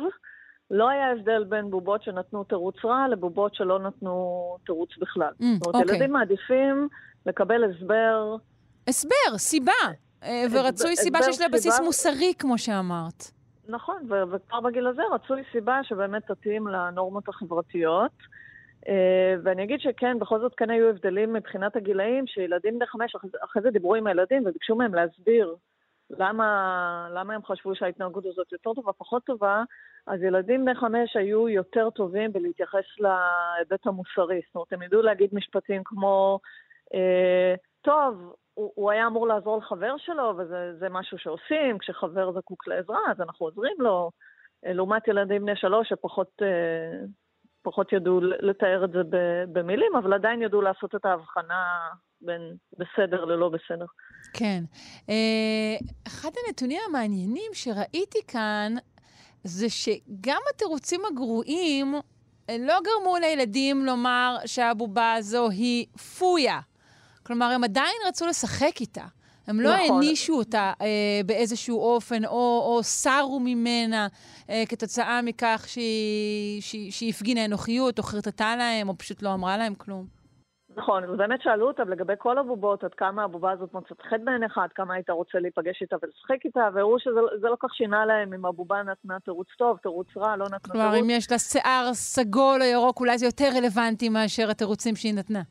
נכון, אז, אז החוקרים אומרים, בעצם ילדים בגיל הזה, אפילו ילדים בני חמש, הם עדיין לא מצליחים לעשות את הקישור שאנחנו עושים באופן אינטואיטיבי בין אה, מישהו שמפר נורמה חברתית לבין זה שהבן אדם הזה שמפר נורמה חברתית, צריך להניח שהוא כנראה יהיה בן אדם פחות נחמד. ואם הוא פחות נחמד, אז אני לא כל כך רוצה להיפגש איתו. אז, אז הם עוד לא עושים את הקפיצה הלוגית הזאת. זאת אומרת, הם עוד לא יכולים להסיק מה, מההתנהגות הנקודתית הזאת. אבל זה מה שבעצם, אני חושבת שזאת הנקודה שהיא כאילו אולי חמורה, סלש עגומה. כלומר, הם כן מבינים שיש מדרג מוסרי כלשהו ומדרג הגיוני. אה, כלשהו. הם כן יכולים להבחין גם אולי בין, בין, בין, בין חרטא ללא חרטא, לצורך העניין. Mm-hmm. אבל הם לא מצליחים לעשות את הדבר הזה של להגן על עצמם מפני הדמות שכרגע חרטטה אותם. נכון, אבל שוב פעם, זה, את יודעת, זה עדיין גילאים מאוד מאוד uh, צעירים, וזה דברים שמתפתחים אחר כך. אני אומרת, הלוגי הזה... אנחנו מקווים שהם מתפתחים אחר כך. הם מתפתחים, וזה גם כמובן תפקיד של ההורים והמבוגרים שמסביב לעזור לילדים אה, לפתח את התפיסה הזאת, אבל זה, זה מגיע. נכון. השאלה היא באמת אם עשו את זה כמה פעמים. זאת אומרת, אולי באמת כשפעם אחת הבובה אומרת לך, היי, היי, היי, היי, לא הבאתי לך צעצוע כי יצרתי לראות טלוויזיה, זה בסדר, אבל כשהיא עושה את זה פעם שנייה ושלישית, אז צריך להתחיל לשים לב. אה, זה נכון. בסדר. Uh, בכל מקרה, אנחנו uh, נשמר עם נושא התירוצים uh, גם בפני ילדינו החמודים, שכן כך, ככה לומדים מוסר בעצם. כן, רק באמת לקחת בחשבון שילדים שמים לב לדברים האלה, ואני אומרת שוב פעם, זה מאוד מרשים שבגיל שלוש, גיל חמש, ילדים כבר uh, יודעים לחשוב על נורמות חברתיות. זה, זה דבר טוב. כן. דוקטור נועה אלבלדה, ממרכז סגול למוח ותודעה באוניברסיטת רייכמן, תודה רבה. בשמחה, ביי.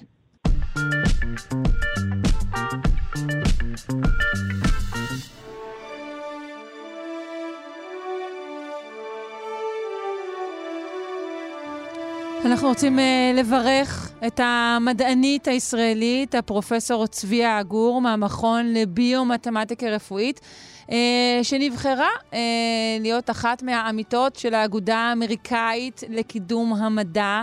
אה, נגיד אה, בוקר טוב לפרופסור צביה עגור עצמה, היא ממקימי ונשיאת המכון לביומתמטיקה רפואית. שלום, פרופסור, מה שלומך? תודה רבה, בוקר טוב, אני שמחה לדבר איתך. ברכות, גם אנחנו שמחים מאוד. Uh, אני אצטרך לשאול אותך, מה זה ביומתמטיקה רפואית? אוקיי, okay. ביומתמטיקה רפואית זה בעצם, ביומתמטיקה זה מקצוע בינתחומי. שמשתמש במתמטיקה כדי להבין ולהסביר ולפרש תהליכים אה, ביולוגיים מסובכים, מורכבים.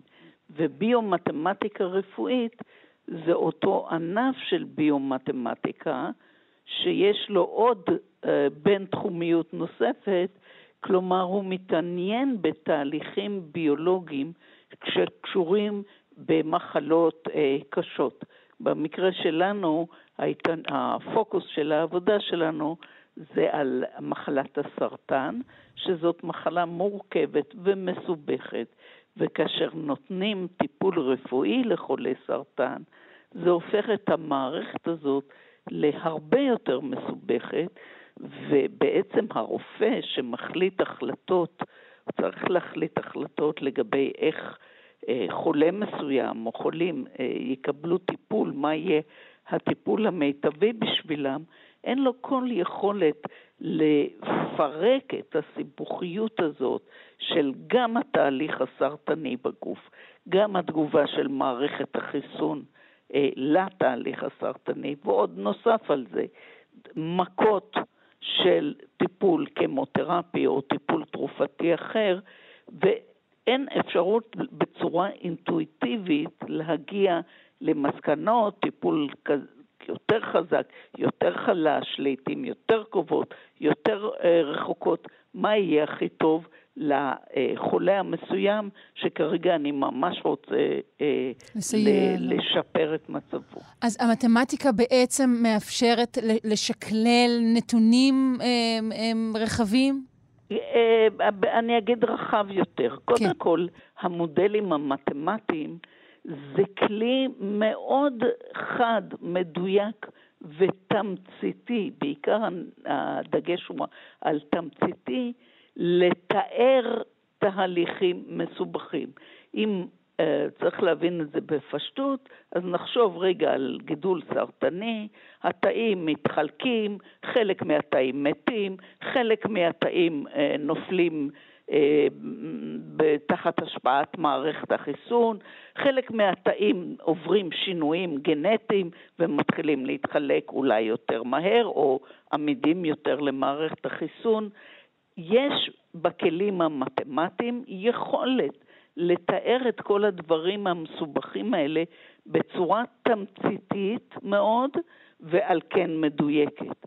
וזה נותן לנו כלי לעשות בעצם ניסויי, ניסויים קליניים, אם תרצי, במחשב, כי אנחנו מדמים את הפציינט באמצעות המודל מתמטי, המתמטי שבעצם מתרכז בדברים שחשובים לנו, לא, לא מעניין אותו לדמות איך הפציינט נראה, מה צבע העיניים שלו וכולי, כן, כן מעניין אותנו לתאר, יותר נתוני הכבד שלו, כן.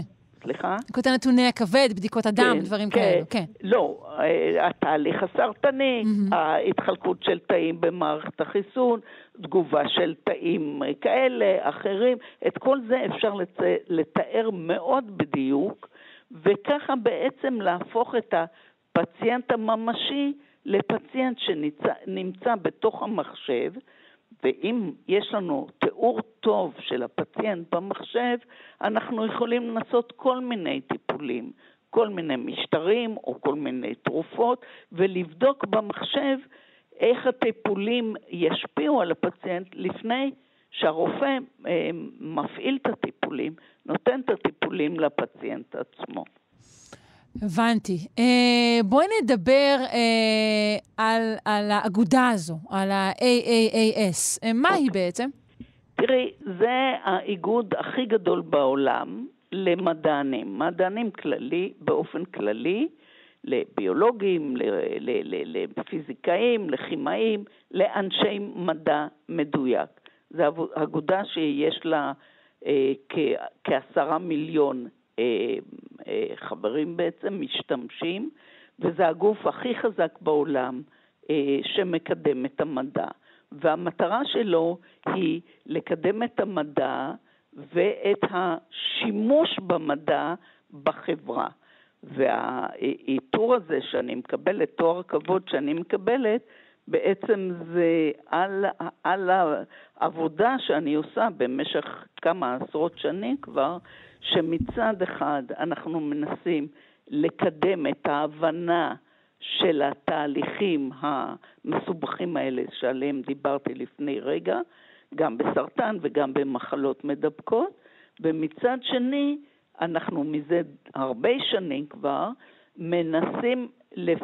ומפתחים כלים חישוביים שהתבססו על המחקר התיאורטי שאנחנו עושים באמצעות המודלים המתמטיים, ויהוו כלי עזר לרופא או לרופאה שהם צריכים לקבל החלטות לגבי אה, חולה, חולה אה, מטופל בודד. זה דברים שכבר היום אה, יש להם שימוש במערכת, או דברים שהם בפיתוח? אה, יש כאלה ויש כאלה, אנחנו uh-huh. עובדים ל, ל, ל, ל, ל, לכל, ב, בכל הזירה, רק אני אציין שגם אם, יהיה, אם היה שימוש, ואני אתן שתי דוגמאות ברשותך, אשמח. אז, אז, אז אה, לעבור מה, מהמצב שבו פיתחנו כלי אה, אה, עזר כזה לרופא, למצב שישתמשו בכלי באופן רוטיני בקליניקה, צריך לעשות צעד מאוד מאוד גדול, שעדיין עומד בפנינו, שזה הצעד של ניסויים קליניים בקבוצות חולים גדולות. זה צעד מאוד, מאוד יקר, מאוד משמעותי. ברשותך שתי דוגמאות שאיפה הכלים שלנו עזרו כבר אה, מחוץ למערכת mm-hmm. האקדמית והמדעית. אה, הראשונה הייתה בשנת אה, 2001, חברת נוברטיס פנתה אלינו. אה, היא פיתחה תרופה למחלות אלרגיות כמו אסתמה, דלקת פרקים וכיוצא. והם העריכו שהתרופה הולכת להיות מה שקוראים בלוקבאסטר, זאת אומרת, תרופה שכל העולם משתמש בה mm-hmm. והיא תהיה מאוד מוצלחת. ולתרופה היו הרבה מאוד סיכויים, כל כך הרבה, שהם החליטו טיפה להעלות את מינון התרופה, שאמורה לי, הייתה להיות תרופה מאוד נאיבית ולא גורמת כל נזק, והם העלו את מינון התרופה כדי לבדוק אם ההצלחה, אה, כדי להוכיח בעצם שהיא תהיה מוצלחת גם בילדים שזקוקים למינון יותר גבוה. זקוקים למינון יותר גבוה, ילדים כן, דווקא? כן, כי המטאבוליזם שלהם יותר אה, פעיל, ולכן mm, הם מפנים תרופה. Okay. אוקיי. אה, יותר מהר, אז צריך להעמיס את הגוף טיפה במין, יותר גבוה פר קילו, כן? כן פר כן, משקל גוף. אני מבינה. והם אה, לכן היו צריכים לחזור אחורה לניסויים בבעלי חיים אה, במינון טיפה יותר גבוה, והם עשו ניסויים מסיביים, ושלושה קופים אה, מתו. ולא היה לחברה כל הסבר לתת, לא לעצמם ולא ל-FDA, למה הקופים מתו. וה-FDA עצר את תהליך אישור התרופה הזאת, שבנוברטיס תלו בה הרבה תקוות, והם אמרו, עד שלא תסבירו לנו למה שלושת הקופים, כן, זה שלושה מתוך, אני יודעת, שלוש מאות, אבל עדיין אנחנו צריכים להבין למה הקופים מתו. וכאן החישוב המתמטי נכנס לפעולה? ואנחנו, הם פנו אלינו, כי לנו היה מודל מתמטי שמתאים מאוד להשפעה המזיקה שהם מצאו בתרופה, כלומר, למה שהם מצאו זה טרומבוציטופניה, חוסר, אה, חוסר עצום בלוחיות דם, מה שהיום קוראים תעשיות דם, בקופים האלה, ושזה הביא למותם. ואנחנו, היה לנו מודל, בפציינט הווירטואלי שלנו, היה לנו מודל שחשבנו שהוא מעולה לאיך יכול להיווצר חוסר אה, תעשיות דם. והם, אז אפילו אי אפשר היה להעביר את זה במחשב, זה אמנם שנת 2000, זה נראה לא מזמן, אבל זה, בשנות מחשב זה הרבה כן, מאוד הרבה זמן. כן, הרבה מאוד, זה היה משהו כמעט פרהיסטורי. והם הביאו לנו...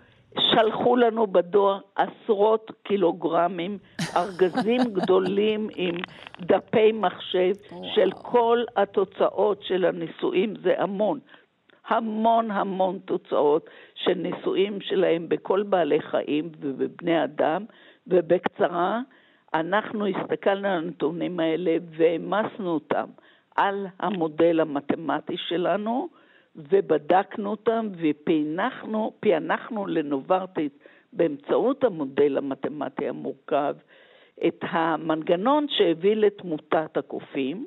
כתוצאה מהפענוח הזה הם יכלו להגיד ל-FDA מה קרה שם.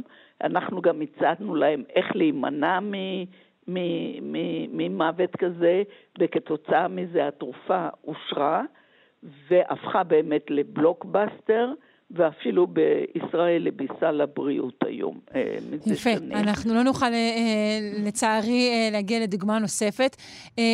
נאחל לך שוב ברכות, מזל טוב, גאווה גדולה. תודה רבה. נזכיר שוב שפרופסור צביה אגור מהמכון לביומתמטיקה רפואית נבחרה כעמיתת האגודה האמריקאית לקידום המדע AAAS.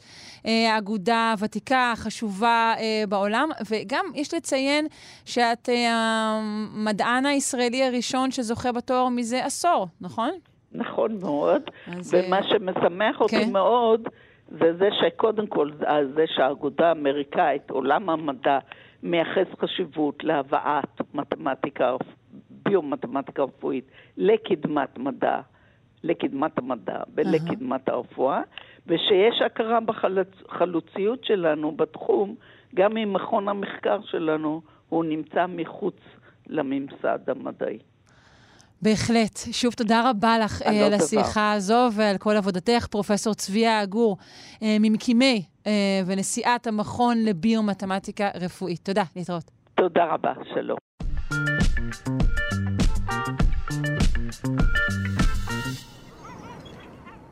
נמל עקבה יעבור שיפוץ אה, שעשוי למצב אותו כנמל הסביבתי ביותר אה, באזורנו. נפנה לדוקטור עדי לוי, הוא חבר הוועד המנהל של האגודה הישראלית לאקולוגיה ולמדעי הסביבה וראש החטיבה לסביבה וקיימות במכללה האקדמית אחווה. שלום, בוקר טוב. שלום, בוקר טוב. מה, אה, עד כמה בכלל נמלים הם, הם דבר מזהם? אוקיי, אז קודם כל, אה, החבילות האלה שנוחתות בפתח ביתנו מדי כמה ימים... איזה חבילות? מי מזמין באינטרנט? לא יודע על מה את מדברת. אה, נוחתות על פתח ביתנו מדי כמה ימים, אה, בעצם הם חלק מה... מתנועת הספינות העולמית. 90% מהסחורות בעולם משונעות דרך הים, והנפח הסחר הימי צפוי לשלש את עצמו. עד 2050 על פי ה-OECD. די, זה נורא, אני לא יכולה לשמוע את זה אפילו. כן, סליחה, בבקשה. אז אה, כן, אז באמת הסחר הימי הוא אה, דרך אה, עיקרית להעברת סחורות. ואם אנחנו מסתכלים על פליטות גזי חממה של נמלים בעולם, אז בעצם סדר גודל הוא כמיליארד טון פחמן דו-חמצני, שהם כשלושה אחוז מכלל פליטות גזי החממה בעולם, נגרמות בגלל בעצם הנמלים והספינות ש, שבהם אנחנו משתמשים יותר ויותר. אה, מה שכן, צריך לציין שהזיהום שנגרם מהספינות עצמן אה, ומהדלקים שהן שורפות, הוא פי עשר יותר מהזיהום שהנמלים יוצרים.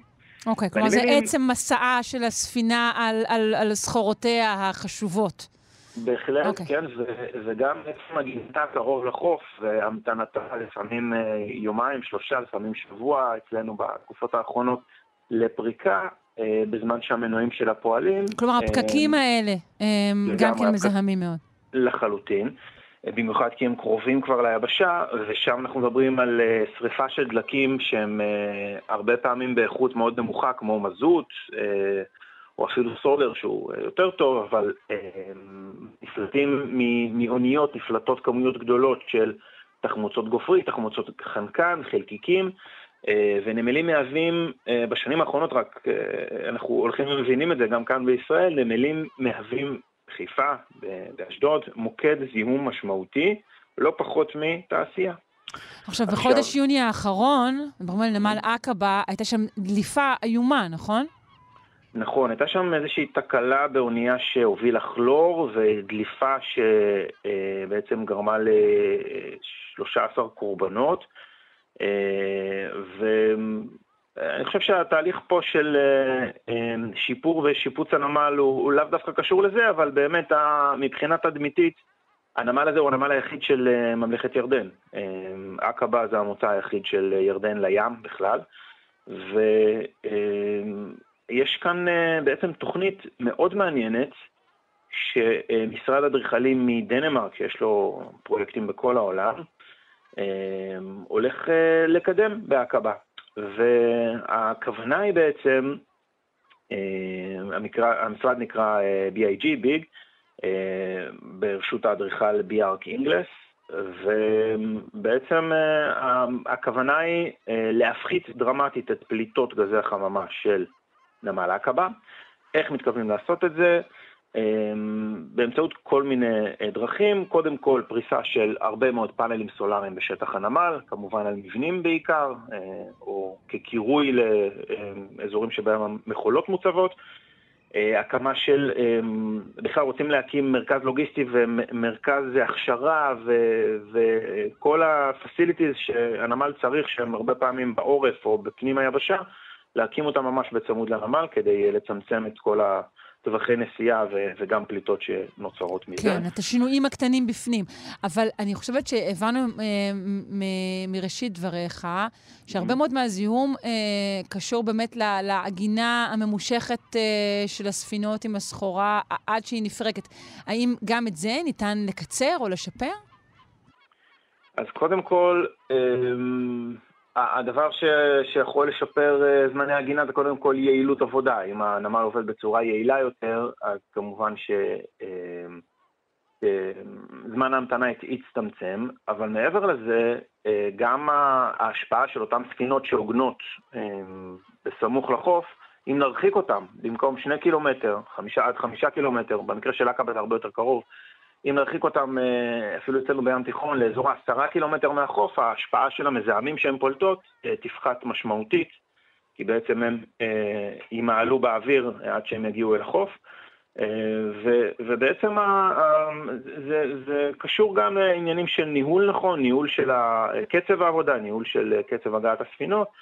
יש פה אלמנטים נוספים. מה שעוד מעניין בעקבה, בנמל, מעבר לחשמול או בעצם להפקה של אנרגיה סולארית וחשמול של כל העגורנים והכלי רכב של הנמל, הם בעצם מתכננים גם אמ, ממש להפוך את הנמל לירוק פיזית, וזה זאת נקודה מעניינת ששווה לדבר עליה. לירוק בעקבה, זה, זה אזור אה, מדברי למדי. ממש, אה, אזור מדברי שסובל מחוסר דרמטי במים. קודם כל, מבחינת כמויות הגשם, באזור הזה הם בין 20 ל-30 מילימטר ממוצע בשנה. אה, סדר גודל של יום גשם אחד כאן במרכז הארץ, או אפילו הרבה פחות. ו... אמ, בעצם התכנון פה הוא אה, לקחת אה, לפחות שתי ודיות פה מסביב לנמל וגם להקיף את היקף הנמל אה, על פי האילוסטרציה שהם הכינו בצמחייה שחלקה הגדול זה עצים ושטח כולל של שלושה קילומטר רבוע, ולמה זה? כדי לאפס את הפליטות של הנמל, בעצם הנמל עדיין פולט פחמן דו-חמצני, כל מיני תהליכים שמתבצעים שם, והרעיון הוא שהצמחייה תקלוט, אה, אה, לאזן את הפליטות על ידי קליטה של הצמחייה ולהגיע למאזן אה, מאופס. זה עבודות עכשיו, שכבר התחילו בעקבה?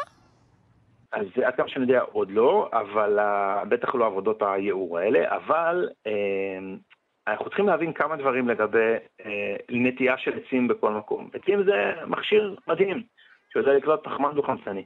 אבל כשאנחנו לוקחים למשל במדבר קרקע בהירה מאוד, אה, חום בהיר עד אפילו אה, לבן אה, בחלק מהמקרים, ואנחנו שמים עליה עצים. אז לקחנו משטח שהוא בהיר ומחזיר הרבה מאוד מהקרינה שפוגעת בו, ושמנו במקומו משטח, אותו, אותה צמחייה, משטח כהה הרבה יותר, שקולט הרבה יותר קרינה. אז כבר המשטח הזה כבר קולט הרבה יותר מקרינת השמש ופולט הרבה פחות ממנה, אותו משטח מיועד. דבר mm. שני, אנחנו הרבה פעמים מסתכלים, יש לנו איזושהי הטיה, אנחנו מסתכלים על שדה חקלאי ואנחנו רואים ירוק, חושבים שזה טבע, אנחנו מסתכלים על מדבר ואנחנו רואים שממה.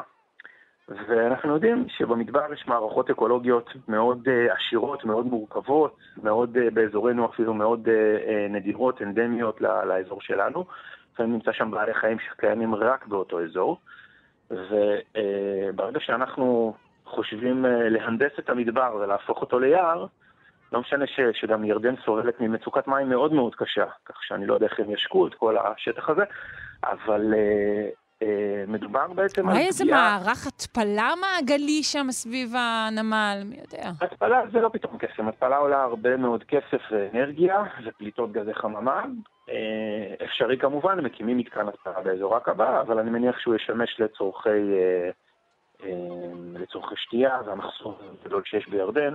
במי שתייה. יכול להיות שמחזור של מי שפכים זה גם אופציה, אבל, אבל שוב, אנחנו לוקחים מערכת אקולוגית מדברית, ואנחנו אומרים בוא נייער אותה, בוא נהפוך אותה למשהו מהונדס אה, זהו, אתה אומר שיש כאן איזה הינדוס יתר, לפחות להערכתך? לגמרי, כן. נראה, נראה שזה, שלקחו אה, אה, מעצבים או...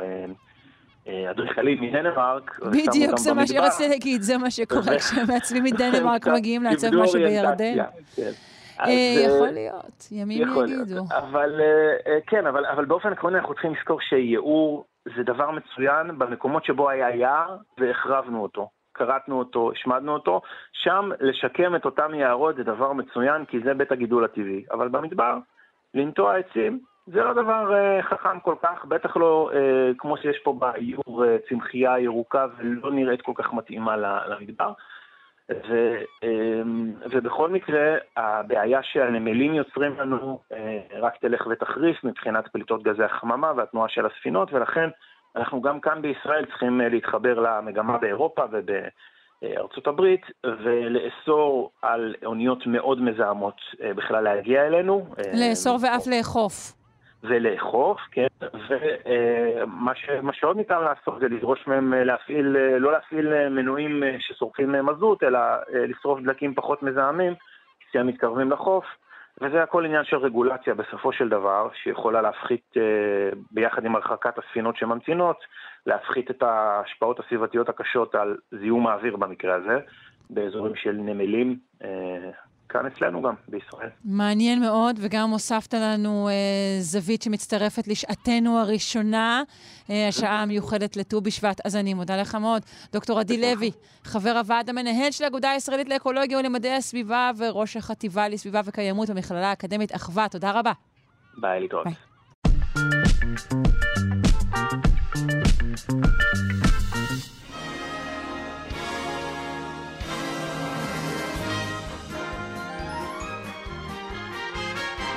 פינת התרבות של יונתן גת, מרצה באוניברסיטת תל אביב ומרצה לכם ברחבי הארץ על אה, שלל גיבורי התרבות, והיום הוא כאן עם עוד גיבור תרבות. היי. היי, שלום, בוקר טוב. בוקר אור. חג שמח, ט"ו בשבט שמח לך. חג שמח, כן, בהחלט. גם לך. תודה. היום אנחנו במבטא צרפתי, מושרי. אוקיי, בואו. היום אנחנו מדברים על גיבור תרבות ענק. שקוראים לו פרנסואה טריפור, אה. שהיה בתחילת הדרך מבקר קולנוע, וגם כתב את הספר הנפלא היצ'קוק טריפור. אה, זאת אומרת, זה ספר שנכתב על ראיונות שהוא קיים עם אלפרד היצ'קוק, מתוך הערצה אליו, אבל אז הוא הפך להיות במאי קולנוע אה, צרפתי חשוב מאוד מאוד. מהגדולים שהיו לנו, והפר את כן. המשפט אלו אה, אה, שלא יכולים לעשות מבקרים. מסתבר שאכן כן יכול לעשות. נכון. אז אה, כן, פרנסואה טריפור הוא למעשה אחד הממציאים הגדולים של הגל הצרפתי החדש. שזה ז'אנר קולנועי שלא צריך לפחד ממנו, פשוט כל מה שהוליווד עושה רק הפוך. כן, הוא גם כבר לא חדש כל כך, אז אפשר עוד פחות נכון. לפחד ממנו. נכון, פרנסואה טריפו הבין שבעצם אה, עם הוליווד מספרת סיפור גדול מהחיים, תמיד, נגיד חלף עם הרוח, או קזבלנקה, mm, כל מיני דברים אפיים כאלה. או אוקיי. יוליוס קיסר וכאלה, כן. אז הוא אה, רוצה לספר סיפורים על אנשים קטנים מהחיים, כמו הסרט 400 המלכות, אה, שאגב זה כמובן תרגום שגוי לגמרי אה, לשם המקורי, שהשם המקורי זה פשוט לעשות צרות. אה. זה הביטוי, תרגמו את זה מילולית. רק בעברית אה, בחרו את השם המזמין, השם המזמין כן. הזה? אוקיי. כן, faire les quatre cents coups זה פשוט לעשות צרות. אז תרגמו את זה כמו Google Translate פה. אבל תרגמו את זה כבר במקור לא נכון באנגלית, ואז תרגמו את זה מפה, אוקיי. בקיצור. כלומר, הביטוי 400 מלקות משמעו בצרפתית לעשות צרות. בדיוק. אוקיי. אז אה, אה, מה שקרה זה שפרנסואה טריפו הבין שגם אה, בהוליווד אה, מספרים סיפור שתמיד הוא, הוא נורא אה, מסודר. אה, בסרטים שלו זה לא כך. אה, בהוליווד הסרטים מאוד מתוקתקים. למשל, אה, אסור בשום פנים ואופן לראות מאיפה מצלם, את זוויות המצלמה, או לראות פתאום את המיקרופון, חס וחלילה. נגיד בסרט כמו קליאופטרה, אם יראו פתאום את הבום מלמעלה, זה יהיה הסוף של הסרט. כן. ואילו פרנסואה טריפו אוהב לשחק עם הרעיון הזה של סרט, כי הקולנוע כשלעצמו, זהו, העשייה הקולנועית היא, היא חלק מהנוש, מהנושאים שבהם הוא עוסק. כן, כן, כן. Mm-hmm. למשל, אה, בסרט 400 אה, המלכות הנפלא שלו, הסרט הכי מצליח שלו, דרך אגב, וגם הראשון, אה, באיזשהו שלב רואים פוסטר לסרט פריז שלנו. ומי שיודע, אז באותן שנים בכלל לא היה עדיין הסרט הזה, זה היה מין בדיחה פנימית על, על העבודה של הבמאי ריבט, שהוא כבר המון שנים הבטיח שהוא יעשה את הסרט הזה, mm. ובסרט כאילו הולכים כבר לסרט, למרות שהוא עדיין לא נעשה. ומי שמכיר את, ה, את, ה, את התרגילים האלה נהנה מזה, ומי שלא, לא, לא סובל. אז, אז רגע, הסרט הזה, אגב, מתעכב את מה שאמרת. 400 כן. המלכות יותר הצליח גם אה, אה, מז'יל וז'ים ומהמטרו כן, האחרון? כן, מבחינה מסחרית. אוקיי. מבחינה מסחרית זה בעצם הסרט שהצליח אה, הכי הרבה בעולם. אוקיי. וגם, וגם הפך להיות לאחד הסרטים ה, ה, שפרצו את הדרך לקולנוע הצרפתי בעולם. אה, בין היתר בגלל החידושים שיש בו. למשל, את יודעת שהסרט מסתיים בטעות, אני עושה פה ספוילר, אבל הוא מסתיים כאילו בטעות, כי הגיבור מסתכל למצלמה. אבל וגם... גם זה, שוב, חלק ממה שאמרת, באמת משבירת כן. הקיר הרביעי אולי. נכון, או... נכון. Uh-huh. וגם אה, הוא נעצר בפריז פריים. שפריזים זה, זה, זה חלק מהשפה הידועה של טריפו. נכון, כאילו לעצור את הפריים. שזה לא אמור להיות ככה, הרי המסע, הקולנוע כל הזמן, בהוליווד לפחות, ניסה לחקות את המציאות. כן. ופתאום כשאתה עוצר, אז זה כאילו אתה אומר, רגע, רגע, רגע, בואו בוא נעצור רגע את זה ונסתכל על הפריים כמו במעבדה, בואו נשים את זה רגע מתחת לזכוכית מגדלת ונביט בכל הפרטים. אז זה כאילו, זו אמורה להיות טעות, אבל האמת היא שלא. זה סרט שעוסק בין היתר באהבה לקולנוע וברצון לראות איך סרט נעשה. זה מאוד מיוחד. כן, ומאז כמובן אה, הסגנון הזה אה, חוקה עד, אה, עד זרה, פריזים כאלה הופיעו בהרבה מאוד סרטים וסדרות. נכון, נכון. תחשבי רגע, את זוכרת שיש את הטוב הרע והמכוער? כן. זוכרת את הסרט? זוכרת שבהתחלה פתאום רואים את, את הרע, ואז פתאום יש פריץ פריים, וכתוב הרע. כן, כן, בוודאי, זה דבר שאחר כך, ו... סתם אני נזכרת, ב, אתה יודע, נגיד בלוק סטוק and two smoking barrels, זה דבר שחוקה שם, ובעוד סרטים כן, מן כן, הסתם. כן, אבל תחשבי שכבר במערבונים התחילו לחכות. כן, זה, זה, זה חיקוי של טריפו שם? חד משמעית. באמת? חד משמעית. טריפו וגודר כמובן. Mm. חברו כן, לגל כן, הצרפתי החדש. כן. ואנשים חשבו, רגע, שנייה, אם אתה עוצר את הפריים והשחקן מסתכל למצלמה וזה, אתה לא הורס לנו את החוויה של הסרט? פרנסואה טריפו הוכיח בדיוק להפך. פתאום זה הרבה יותר מרגש, כי אתה מצד אחד מסתכל על הדמות, אבל מצד שני אתה גם רואה שיש שם שחקן. ושני הדברים האלה נפגשים ביחד, הפנטזיה והמציאות, המציאות הקולנועית, נפגשים ביחד, מה שלא היה ניתן לקבל בסרטים אחרים. כלומר, זה לא ליהנות... גורע, אלא מוסיף איזו שכבה. נכון, אפשר ליהנות גם מהאוכל וגם מהדרך שהכינו אותו. חשבו בעבר שאי אפשר, היום מתברר שאפשר גם אפשר. כן. ופרנסואה טריפו הוכיח שאפשר לעשות סרט, ליהנות מהעשייה שלו וגם מהעלילה. יש גם עלילה חשובה, אבל גם אה, מתחת לפני השטח יש את כל התענגות מהעשייה של מהשפה. הקולנועית עצמה. אה, אז אה, באמת יום הולדת לפרנסואה טריפו, אה, שמת בגיל צעיר מאוד, הוא מת בגיל 52. מדי, 52, כן. נכון. היה יכול לעשות עוד לפחות 20 סרטים. לגמרי. אה, טוב, לקראת סיום המלצה, מה אתה אומר? לקראת סיום, כן, אני רוצה להמליץ על האתר החדש של הארכיון, בית הספר לקולנוע וטלוויזיה על שם אה, סטיב טיש. גילוי נאות, גם אני מלמד שם, אבל במחלקה לתקשורת, אוקיי. לא בקולנוע. אה, והאתר הזה מציע חינם אה, המון סרטי סטודנטים עוד משנות ה-70. לצפייה וואו, באתר, כן, באיכות מאוד טובה. בטח יש שם חומרים זהב. כן, יש שם דברים מדהימים, יש פה סרטים של, אה, של איתן פוקס ורנן שור. וגם כל מיני. שחקנים שאולי אז באו נכון. לשחק בסטה סטודנטים, כי אמרו, טוב, מי אני בסך הכל, ואחר כך גדלו להיות מי שהם. אבל, אבל לא רק, גם אסי דיין מופיע בו כבר כשהוא היה ב, בשנת 2012, כבר מהמם. שחקן די, די כמובן כן. מיתולוגי.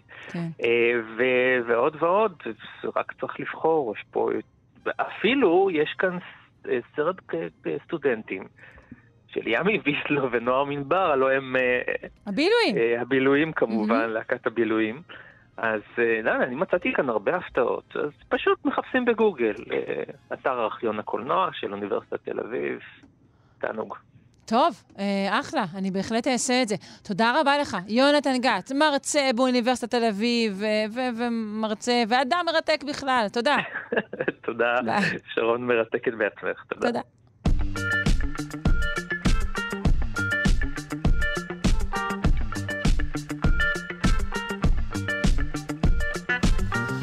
עפו, טסו להן, אה, שעתיים שלנו, שלושה שיודעים, אני מקווה מאוד שנהניתם ומודה לכם על ההאזנה אה, ממני ומכל הצוות שלנו, העורכת אלכס לויקר, המפיקים אבי שמאי, תמר בנימין ואיתי אשת, הטכנאי שלנו דימה קרנצוב, אה, אני שרון קנטור.